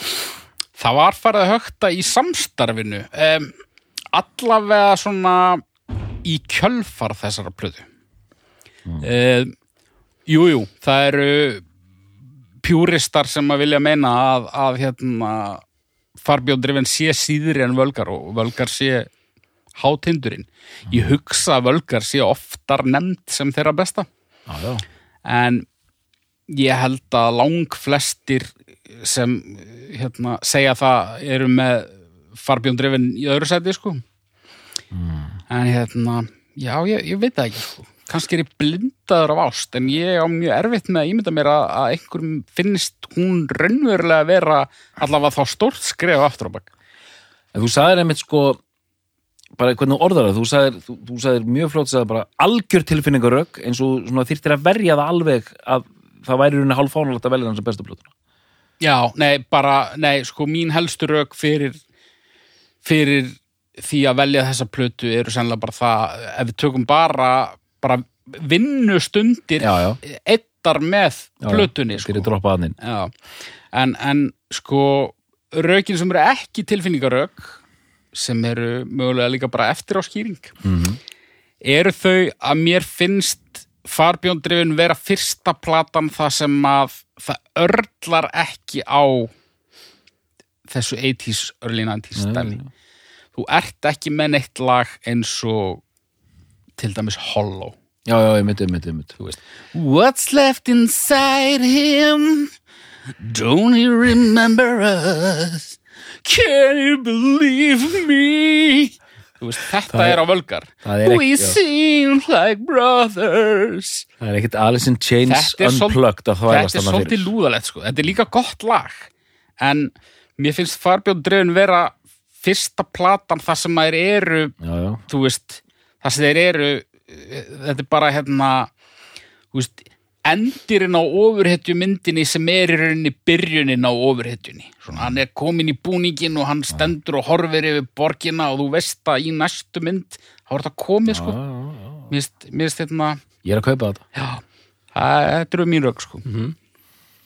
uh, en þarna byrjar að síga ógæfiliðina sko um, Já, já, þetta er, einmitt, þú farir aldrei Þetta er alltaf svona Þetta er alltaf yin og yang, sko. Já, Um leiður kom með þetta þá, þá byrjar þetta að renna úr- renna úr. Já, sko Phil Anselmo, hann talar um það að hann hafi byrjað að sprauta sig með heroinni út því að hann var svo slæmur í bakinu. En ég- Gamla húsráður Ég þekki fullt af fólki sem er mjög slæmt í bakinu og hefur beitt öðrum árangusríkari aðferðum. Ég þekki líka marga lækna sem hafa aldrei mælt með því að byrja að sprauta sig við bakverki? Nei. með heroinni allavega. En þú veist, hann fer í bakinu þarna bara fljótlega eftir að plata kemur út og er að fara eitthvað svakalan túr og hann bara, ah, best að byrja þá bara í heroinni. Já, Ég veit ekki hvort þetta gerist þannig, en þetta er allavega svo saga sem að hann já, Na. og þetta er 94 mhm. og svo overdósar hann held ég alveg örglega 95 ok. Og tekur hann ofstóra skamta heroinni og sko ég veit ekki hvað er rétt og hvað er hann eitthvað að- svona hálfgildings monta sig eftir á. Bara, ég man eftir fyrirsögn í Metal Hammer eða eitthvað. I was dead for five minutes. Bara forsíðan. Þú veist, ég veit ekki hvort það er rétt en þú veist. Ég, ég, ég las þetta komment einhvers. Já. Og hérna og hinnir vissi ekkit að hann væri byrjað að spröta sig sko. Og það þeir Ha, kom var hann, að sprauta sig í einrúmi, þá er þetta vandamál. Já þetta var, hann var hérna uh, þetta kom flatt upp á því. Sprauta sig í laumi. Þetta kom flatt upp á það. Og hérna uh, hann tekur nokkra tilraunir að verða klín sko, ég veit ekki nákvæmlega hvernig hann var klín og, og þá er ég að tala um bara klín af heroíni sko. já, já, já, já, já. En hérna þarna var drikkjan orðinu ofbóðsleg og hann kom með eitthvað heroín vandamál og, og sko, ég veit ekki hvort það gerist þarna eða hvort það gerist fyrir en þarna svona fer hann að koma sér í klandur fyrir að vera fáviti líka sko. og þetta er svona þetta er alveg hluti af sögu hljómsveitarinnar sem að væri óheiðarlegt að skauta yfir. Og það er þetta daður við rasisma Já. sem að sko hjá honum uh, er ekki hægt að afsaka með uh, kjánagangi.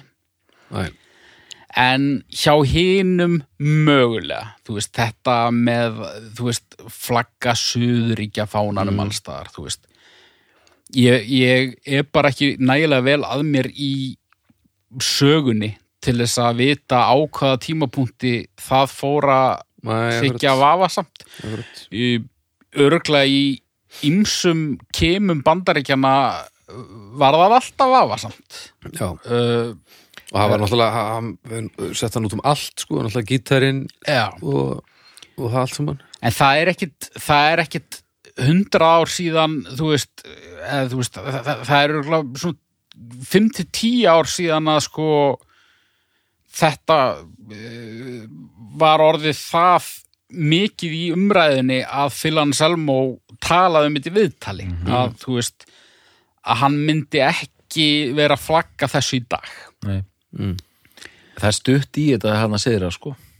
Já, og, og það auðvitað hérna, þetta er bara sá jarðavegur sem þeir spretta úr þannig að maður veit ekki Mm þú veist, hversu mikil alvara er á baka þetta. Ég hef engar forsendur fyrir því að, að ætla þeim hinum eitthvað raunverulegan rasisma, þó ég veit ekkert um það. Ég, bara, ég þekki það ekki, sko. En Phil Anselmo, hann fer að röfla á tónleikum um að rapp sé ömulegt og af hverju megi hvítir ekki skjóta svarta en, en svartir megi skjóta hvíta og, Mm. og bara alls konar svona fyllerís eh, svona rasista light röfl Já. sem síðan bara vindur upp á sig. Og svo gerist það nú bara setna meira. Hann er að heilsa nasista sið á einhverjum tónleikum sko löngu eftir að Pantera leiðundu lók og hann afsakaði sig með því að þetta var bara eitthvað brandari og þetta gekk allt og langt og hann var alltaf fullur og eitthvað. En þú veist, ok, einu sinni ég, ég, er notabene ekki að segja það að það sé fullkomlega eðlilegt að gera þau innan geðsalappa mistök einu sinni að helsa að nasista sig Nei, en í hans tilfelli þá eru atvikin fleiri en eitt og fleiri en tvö. Þetta hefur komið upp svona af og til gegn tíðina og hann virðist eiga rosalega erfitt með að haga sér. Já. ég sko og hann talar auðvitað um það margir af mínu bestu vinir eru þeldökkir Já, já. það má vel vera Já. það getur vel verið að hann sé bara óviðegandi gaur ég held að hann hati ekki að kynfetti Nei, nei, þessu... ég veit ekki um það en hann er bara hann er óttalega flón allavega Ég held að það séu allir saman um það meir og minna, sko. Já. og hann er náttúrulega svona þú veist undir lok þessa tíunda áratugar og, og í rauninni bara alla kvöldur síðan pínu svona sorglegur karakter sko. en hérna, ok. Næsta plata, Great Southern Trendkill sem að ég sá í tónlistatíðendum að var væntaleg platan The Great Southern Tea með Panthera og ég beð mjög spenntur eftir henni.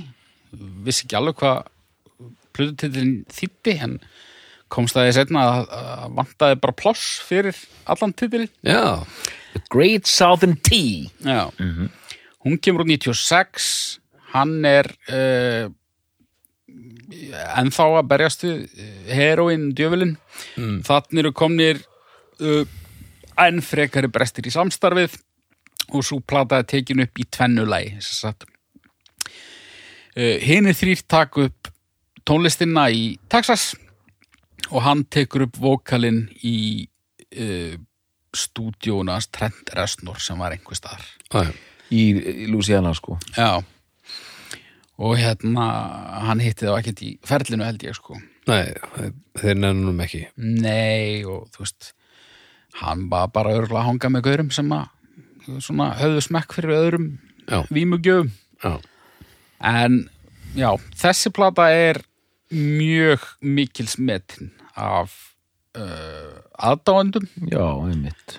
Ég hef aldrei verið 100% Mm. ánæðið með hana. Mm. En það eru algjörlega stórkostlega lög á henni. Hún er mjög hörð. Já. Harðasta platan þeirra Já. myndu sumir segja. Já, já, já. Og hérna hann er farin að öskra þetta er þetta er svona grændkór Já, öskur. já, já. Oft. Black metal feelingur ykkur. Já.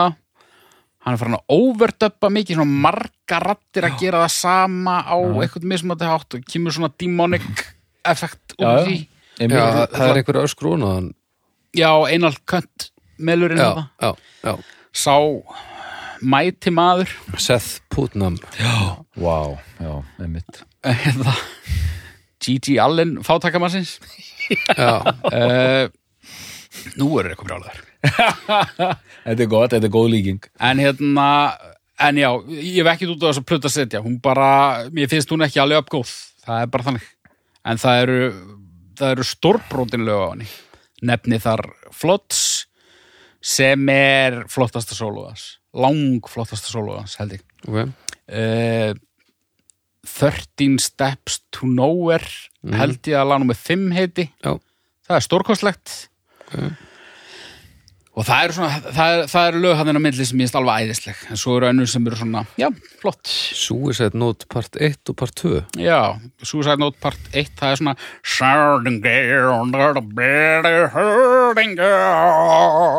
og svo kemur 2 og það er bara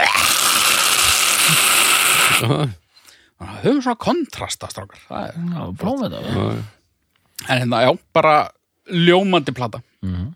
Uh, svo næst síðasta og hérna svo líða fjögur ár, það er nú lengsta sem líður hérna með þessu line-upi, sko. Um Power Metal 88, Cowboys 90, Völgar 92, Farbjörn Dreven 94, uh, Trendkill 96, það er alltaf tvö ára á milli. Já. En svo líða hérna fjögur já. Og þá kemur þessi síðasta plata út. Uh, hún er köplótt Reinventing the Steel. já. En hún er alltaf aðeins betri með myndi sko. Ok. Það, hún er tíu lög. Ef hún væri fimm lög þá væri hún sennilega bara besta Pantera-platan Já, það eru sko uppáhalds Pantera-lagi mitt ráni ég vissi það. já, Ég heyrði þetta frá þér fyrir svona 25 ára síðan. Ég veit, ég, já, ég veit ekkert hvað, hvaðan ég hef þessu upplýsingar. Já, Hellbound er besta lag sem ég hef heyrt sko, held ég.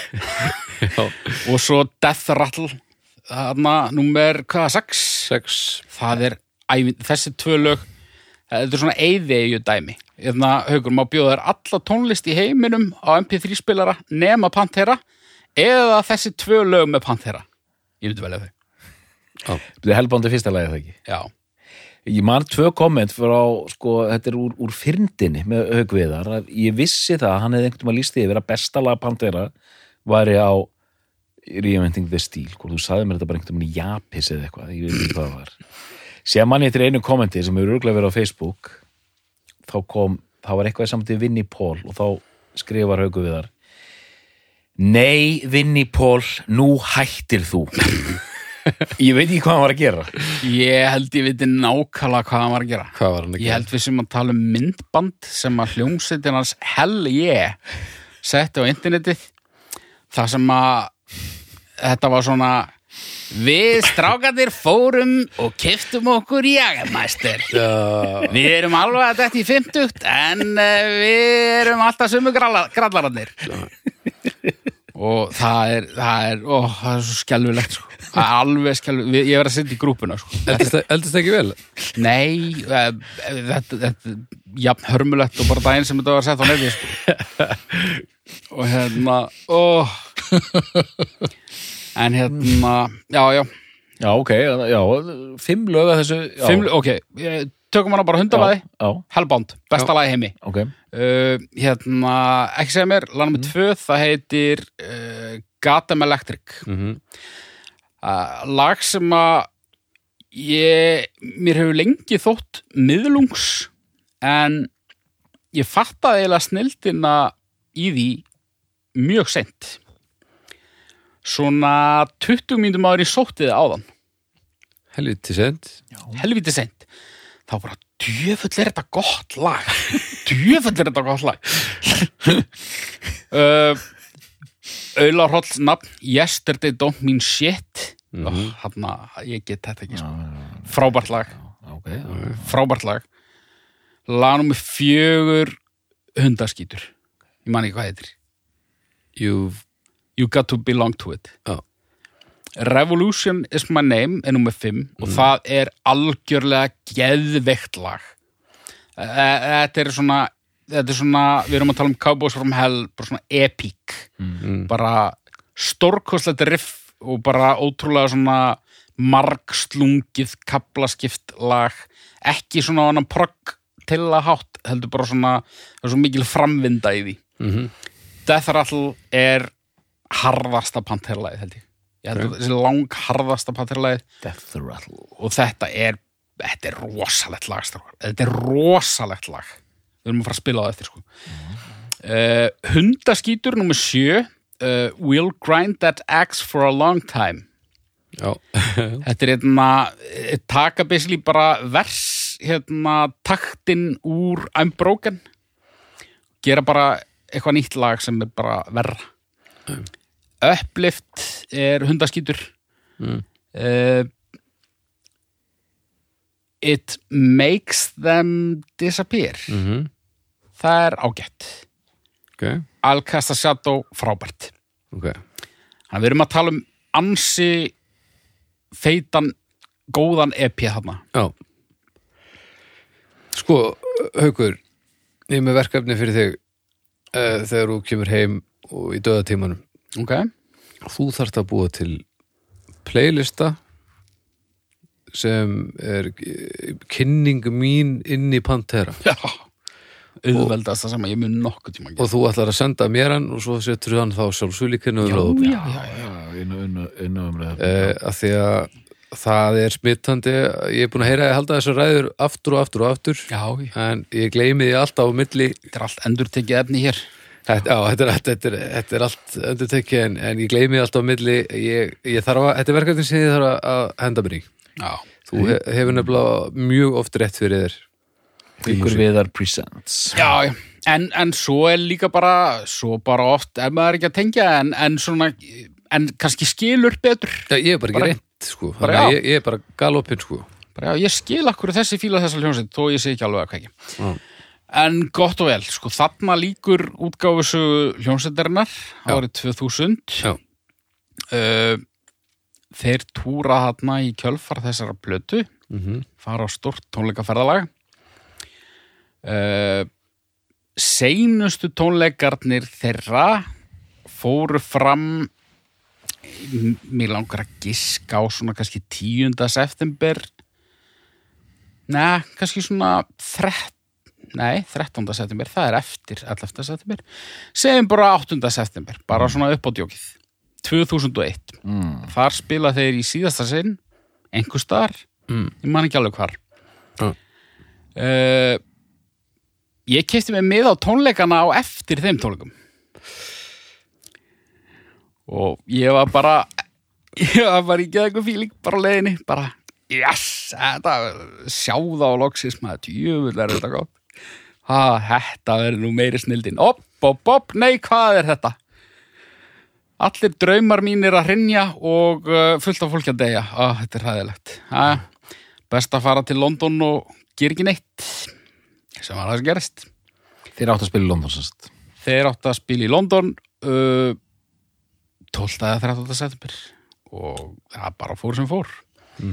Og þú veist, ég, ég var 21 og ég var þó komin með nægilegan þroska til að átta mig á því að, að svekkjelsið mitt var kannski ekki það alvarlegasta í þessu. En þetta var vissulega svekkelsi Já, Eh, þeir áttu að spila þetta með Slayer og fleirum. Ok. Og hérna, therapy. Og therapy, já, já, okkar menn. Hvernig voru þeir uh, uh, voru þeir alltaf já, gott liveband svona, já, í rauninni sko. Já, það eru einhverjir svona uh, algjörir spekingar sem vilja meina að þeir hérna, uh, hafi verið svona aðeins kannski farnar að láta á sjá live en já, ekki af tónleika upptökum að dæma sko. Já, en sko þetta moment sko, já verður maður ekki að fara á þessu tónleika? Shit, ég vil ekki efna því maður. Já, ég, ég hef efna á miðanum út og miðanum á tónleikana og við rettum ykkur gistingu, þetta verður fínt maður. Ég, ég þarf ekki að gera það úti nema að fara á þessu tónleika. Svo allt í nú ertu úti með engan pening. Og að gera ekkert. Hva, Hver fór með þér? þetta var ég og Óli og Alli og bara allir Já, sko. Strákanir Kristinn Aukur, já, bara gott line-up sko. Já þetta er vel manna svekkelsi sér Já, já, já, þetta var fín ferð sko en, en hún var uh, lituð bæði af svekkjálsinu en líka bara af heims ástandinu já, já, það var mjög skrítið að lappa sko, fórum frá flugvellinum þarna eh, líklega að morgni 13. september hugsa ég, fyrir ekki 12. og við tökum lestina frá Heathrow og við komum bara upp úr tjúpinu sko, bara á Piccadilly. Og ég hafði ekki veitt í aðtegli en klukkan var svona fimm mínútur í hádegi. Og þegar við komum upp úr Piccadilly sem ég hefði nú gert nokkru sinnum áður þannig þá hefði mátt heyra saumnál detta. Vegna þess að á hádegi þá var fimm mínútna þögn uh, út af 11. september hriðverkunum í London. Við komum bara hann að hressir bara grísableikir Íslendingar bara alltaf gera gott úr hlutunum komum hann upp að peka til í stöðinni. Það eru bara bílar bara upp á gangskett og upp á hringtorki og bara allir standa bara kjurrir og enginn segir neitt og bara ekkert hljóð. Og svo kemur ykkur indverskur maður til mín og réttir mér svona einhvern renning sem ég á að halda. Og svo byrjar hann að bakka. Og þá er það svona risastór langur renningur, svona bandarísku fáni. Og svo eru ljósmyndarar þarna. Já, bara einhver Sunday Times ljósmyndari bara að taka mynda sjómla.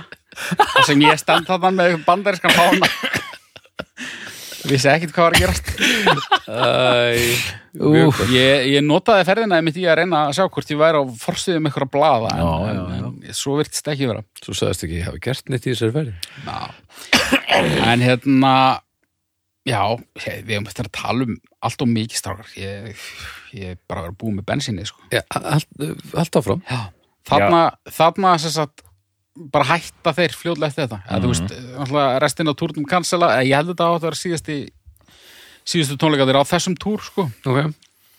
En svo eru bara komin ítlindi og þeir eru farnir að rífast svona í fjölmiðlum svona, Já. þú veist. Já. Og hérna, Abbott bræður fara bara að gera annað, stopna hljómsett sem heitir Damage Plan, sem Já. er hundaskítur. Já. Og Phil náttúrulega hafði alla tíð verið með hundrað ekkur hliðarverkefni í gangi og hann bara hjælt því áfram. Já. Svo gerist það 2004 að þeir eru að spila með þessari Damage Plan hljómsveit Uh -huh. í Ohio, minni mig.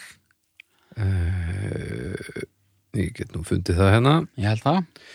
Uh, já, uh, Alrosa Evila. Þarna Klúburinn í Columbus, Ohio. Já. Þeir eru þannig Abbott bræðurnir, þetta er hvað, 8. des, held ég. Já. Þeir eru þannig tveir í þessari hljómsveit á samt einhverjum, einhverjum söngvara sem ekkert gatt og einhverjum basalegara með hérna, fléttu í skegginu eins og var móðins. Mhm. og það kemur byssu brjálaðingur upp á svið og drepur Já. það sem hann er bara nýbyrjaður á öðru læginu og sellistanum með eitthvað og hann drepur eitthvað fleiri hann drap eitthvað, hérna, rótara eða eitthvað og, og eitthvað á tvo held ég. Já, öryggis, sagt, aðal öryggisvörðurinn sem var yfir í öryggismálum. Já, hjólar í hann um leið og hann byrjar að skjóta upp á sig og hann uh, deyri kjölfarið. já. Hann, hann er bara, hann er skotin til bana á sviði sem er náttúrulega bara sem er ótrúlegt bara ef að bíómynd hefði endað svona manni hefði þótt þetta bara allt og langt gengið sko, allt og ótrúverðut Ég man eftir þessu, ég skrifaði fréttina í mokkan. Og hérna var mjög bröðið já, Ég hefði fengið hennan damansplandisk inn á bortið minn sko. Já. Og var eitthvað búin að láta hann hjakast En þetta, ég maður glemir þess ekki sko, það var hrikalegt ég man bara, ég fekk símtali ég var, hérna, ég var nú einmitt að segja frá hérna, þessari, þessu starfi mínu ég var, ég var gangavörður í hlýðaskóla eða þetta var og ég var í, í kaffi tímanum hann ekkert maður fyrir hátegi þegar ég fæ símtal frá smára nokkrum tarfi Já, Haukur, ertu búin að sjá fyrir þetta? Ég bara, ha? Og þá var sagði með þetta. Og þá var ekki vita hvort það var í dáin, sko. Bara verið búið að skjóta. Og ég bara, ha? Og svo bara var þetta staðfest skömmu síðar og, og hérna, já. Uh, Ríkalegt og öll svona öryggismál á svona tónleikum voru rækilega endurskoðuð og ég held að fólk sé ennþá svolítið svona uh, marki brent á þessu, sko. mm, Þetta er alveg svaklega, ég meina þú veist slum bara ítreka það aftur og þetta er einn svakalegasti svona gítarleikari af þingri kantinu bara sem hefur komið fram myndir ekki segja það? Jú, hygglust Alveg hygglust bara Já, bara almennt Mm. virðast bara allir vera sammálu það bæði hvað var að teknilega getu og bara svona persónulegan stíl Já. Bara svona áhrifa mikill Já. og bara íkon Hann var árinu eldri en ég er núna 38 eða ekki Jú. Já. Og þetta var náttúrulega þú veist, þetta var maður sem að vildi engum ílt og þetta reyndist vera bara einhver fárveikur einstaklingur sem að var með þess að gamall aðdáðandi Pantera og ég veit nú ekki hvað til í þessu en sagan, sagði að hann hefði sér satt kent þeim um hvernig fór að bandið hefði hætt. Já, Uh, það byrtist mjög óheppileg uh, grein og fyrirsögn sama dag eða daginn áður eða daginn eftir í Kjarang eða Metal Hammer. Uh, viðtal sem að verið tekið einhverjum dögum áður. Þar sem að viðtali Filan Salmo með fyrirsögninni einhver ætti að taka sig til og berja Dimebag Darrell í klassu Ó nei. Og uh, Vinnie Paul sem sagt uh, bróðir Dembek sem, sem að var skotið í átt að hana mm. Hann, ég held að hann hafi ekki yrt á fyll það sem eftir var sko. Vildi ekkit af honum vita og hann bara afskrifaði allar union hugmyndir sem að var svo sannarlega reynda berundir hann. Mm. ekki frá eftirlefandi meðlumum heldur bara úr öllum áttum. Það var bara öllum öðrum. Það var talað um að hinn og þessi getur stíð í fótspor bróður hans og, og svona en hann sagði þetta verður aldrei ég er ekki að fara Nei. og uh, Phil náttúrulega þú veist, þá var mikil íllind í gangi þegar þetta gerðist en, en þetta virtist uh, hann tók þetta að því virt, virtist mjög inn á sig og bara, ég man eftir ykkur viðtalið það sem hafa bara hágrátandi bara að tala um hérna hvað hann sæi eftir orðum sínum og hvað hann saknaði hans og hvað hann vonaðist til að vinni Pól myndi hérna tala við sig. Og þú veist uh, hann mætti jarðaförina og þá voru bara einhverjum menn á vegum bróður Dimebacks sem að bara, honum var bara vísað frá. Æ. og síðan gerist það hvað 2000 og ég ætla að giska á 17, 18 að vinni Pól deyr átjánu Já, hann deyr, veit nú ekki nákvæmlega hver dánárskin Hann var, eitthvað svona hjarta eitthvað. Mm, Hann var náttúrulega alla sína æfi, allt og þungur og allt og drikkveldur og, og allt og góður við sjálfan sig og, og vondur um leið. Bara svona Texas strípibúlu, barbecue, jetandi, jærmæster, drekkandi, eh, trukka típa sko. Já. Þær verða sjaldan eitthvað háaldraðar. Já það er ekkert að slást um metið sko Nei. En þú veist, mjög hæfileikaríkur maður líka, alveg bara einstakur og hérna, þó ég hef nú drullað mikið árin í gegnum tíðina fyrir að vera asnalegur, þá bara, Þú þú veist, verið, ég trommaði þessar plötur ekki út af því Nei, ég réð ekki við það. þú getur alveg verið brautriðandi og einu sviði og asnalegur Já, já. það er allt í lagi sko En þú veist, ég held að hann hafi ekki verið slæmur náungi, sko. Og hérna, greinlega mikil prinsmaður og þrjóskur. En hérna, leiðinlegt samt að, að hafa farið með þessa gremju í gröfina og að, hérna, Gagvart fyll, já, bara gagvart öllu, sko. var hann, var gremja gagvart öllu? Aðalega gagvart fyll, en bara, þú veist, Því ég held að það sé ekkert mál Ég held að ef maður er, hafi þekkt allavega svona eins og maður heyrir af hvernig hann hefur hagað sér í gegnum tíðina þá held sé ekkert mál að vera ekkert að réttla það fyrir sér að ætla að lappa upp á eitthvað sem ekkert er sko. nei, nei, algjörlega ekki, sko. En hérna,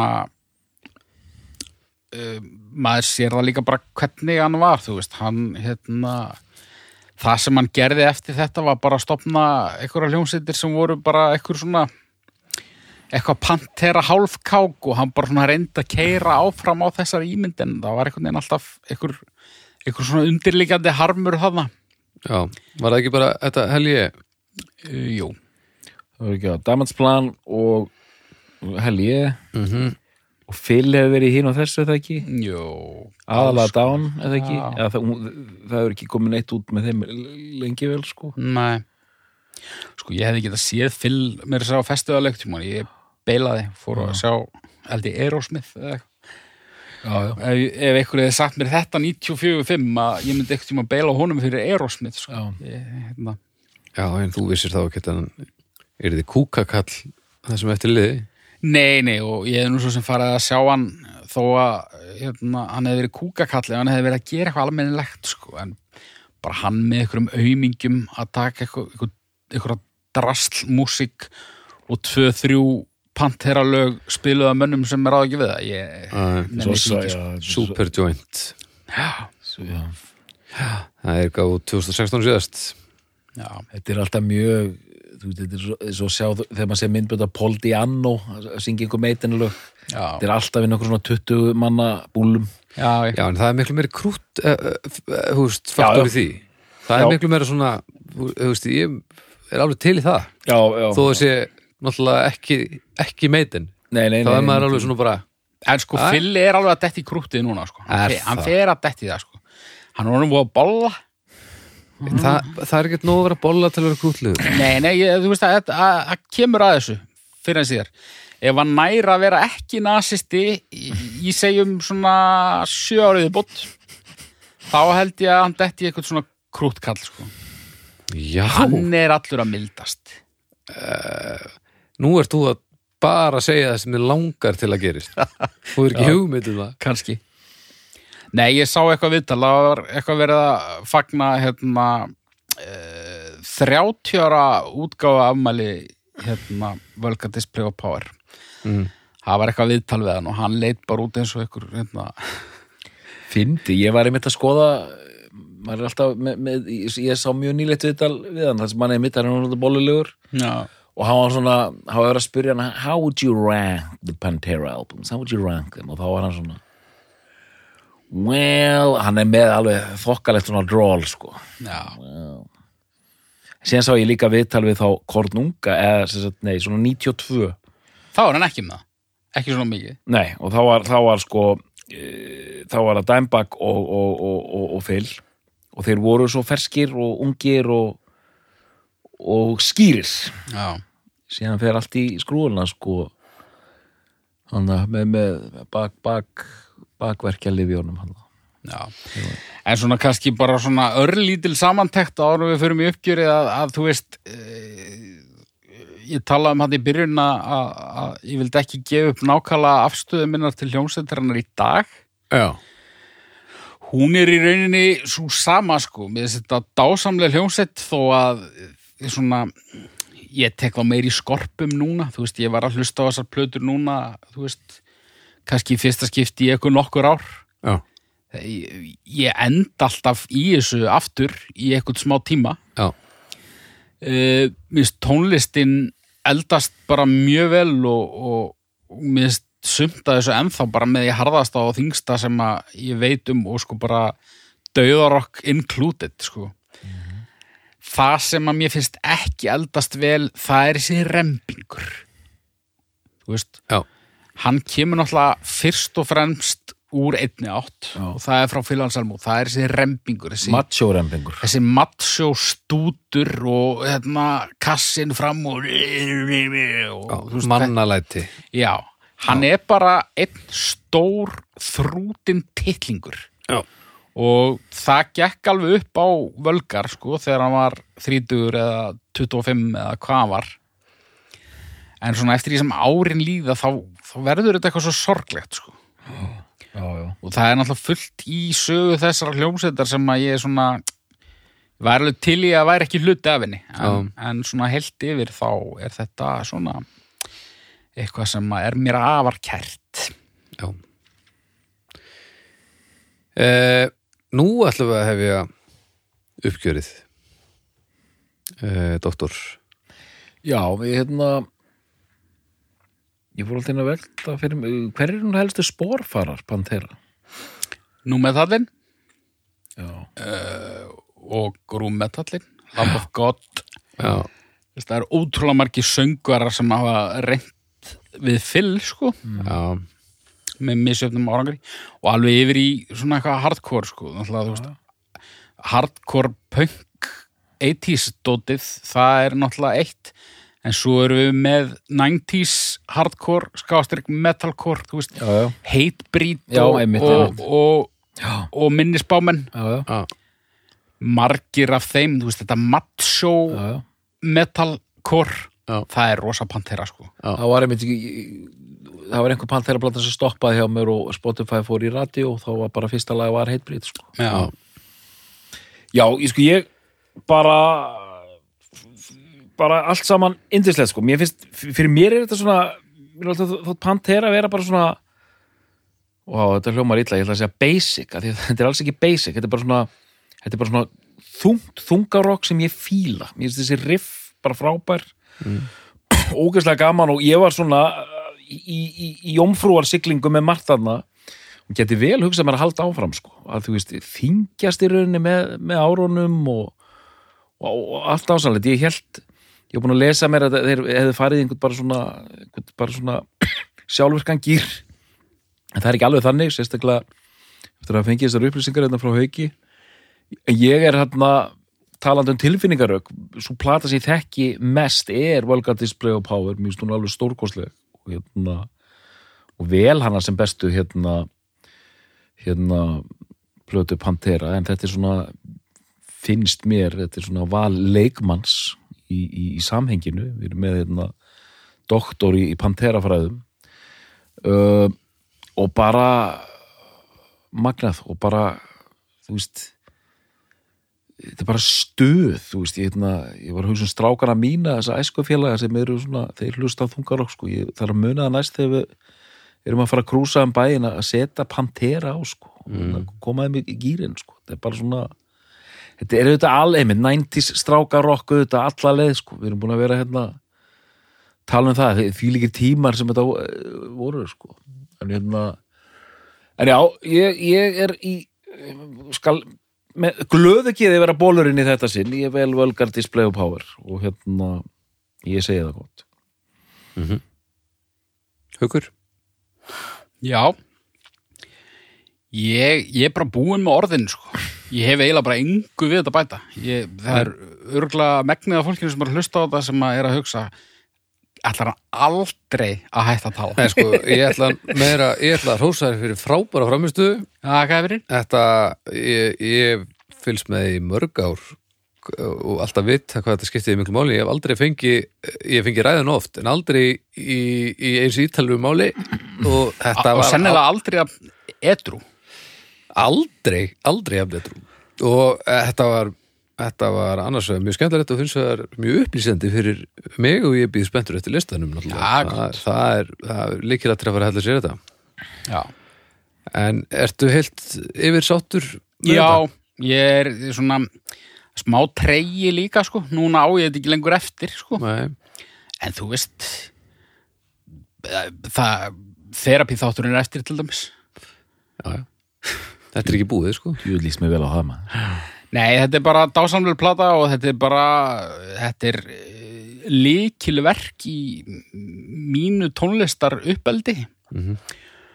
og uh, það er til fólk sem að hatar þetta band miklir þungar okkar sem hata Pantera Já. það er bara það er bara staðrind sem að ég verða að sætta mig við þetta er svona svona mini-ghost hvað það var það, það er hljómsett sem að annarkort bara dýrkar þetta eða þú þólar þetta ekki. Já, það er ekki, er ekki, ég held að sé ekki mikið af fólki sem er bara, já, þeir, þeir voru ágætir. Nei, akkurat, ég var með þessu mynd að Phil að syngja í Ghost Ball bara frekar nýlega já, einmitt. Mjög gott. En hérna, já, þessi plata, sko, ég held ég hafi loksins um daginn tínt orginal seti eintækinu mínu. Það var nú bara einn af mínum elstu gesladiskum. En, hérna, en þetta er plata sem að mun, og allar þessar plötur uh, frá og með Cowboys er eitthvað sem að mun fylgja mér æðina á enda, svona í, í, í, í einhverjum skorpum. En, en ég segi það, þetta er besta platan hvað mig varðar uh, bæði út af sögu minni með henni en líka mér finnst hún svona þannig er þetta 100% komið mjög gott. Og uh, já ég, ég er auðvitað að fara nýr bæ Já. finna eitthvað gaur og berja hann í kless. Mér líði þannig nú Alveg í kless. Vá. Þannig að haukur Er þetta besta plata Pantera? Já, Doktor, er þetta besta plata Pantera? Nei Við þakkum fyrir í dag og við heyrumst að viku liðinni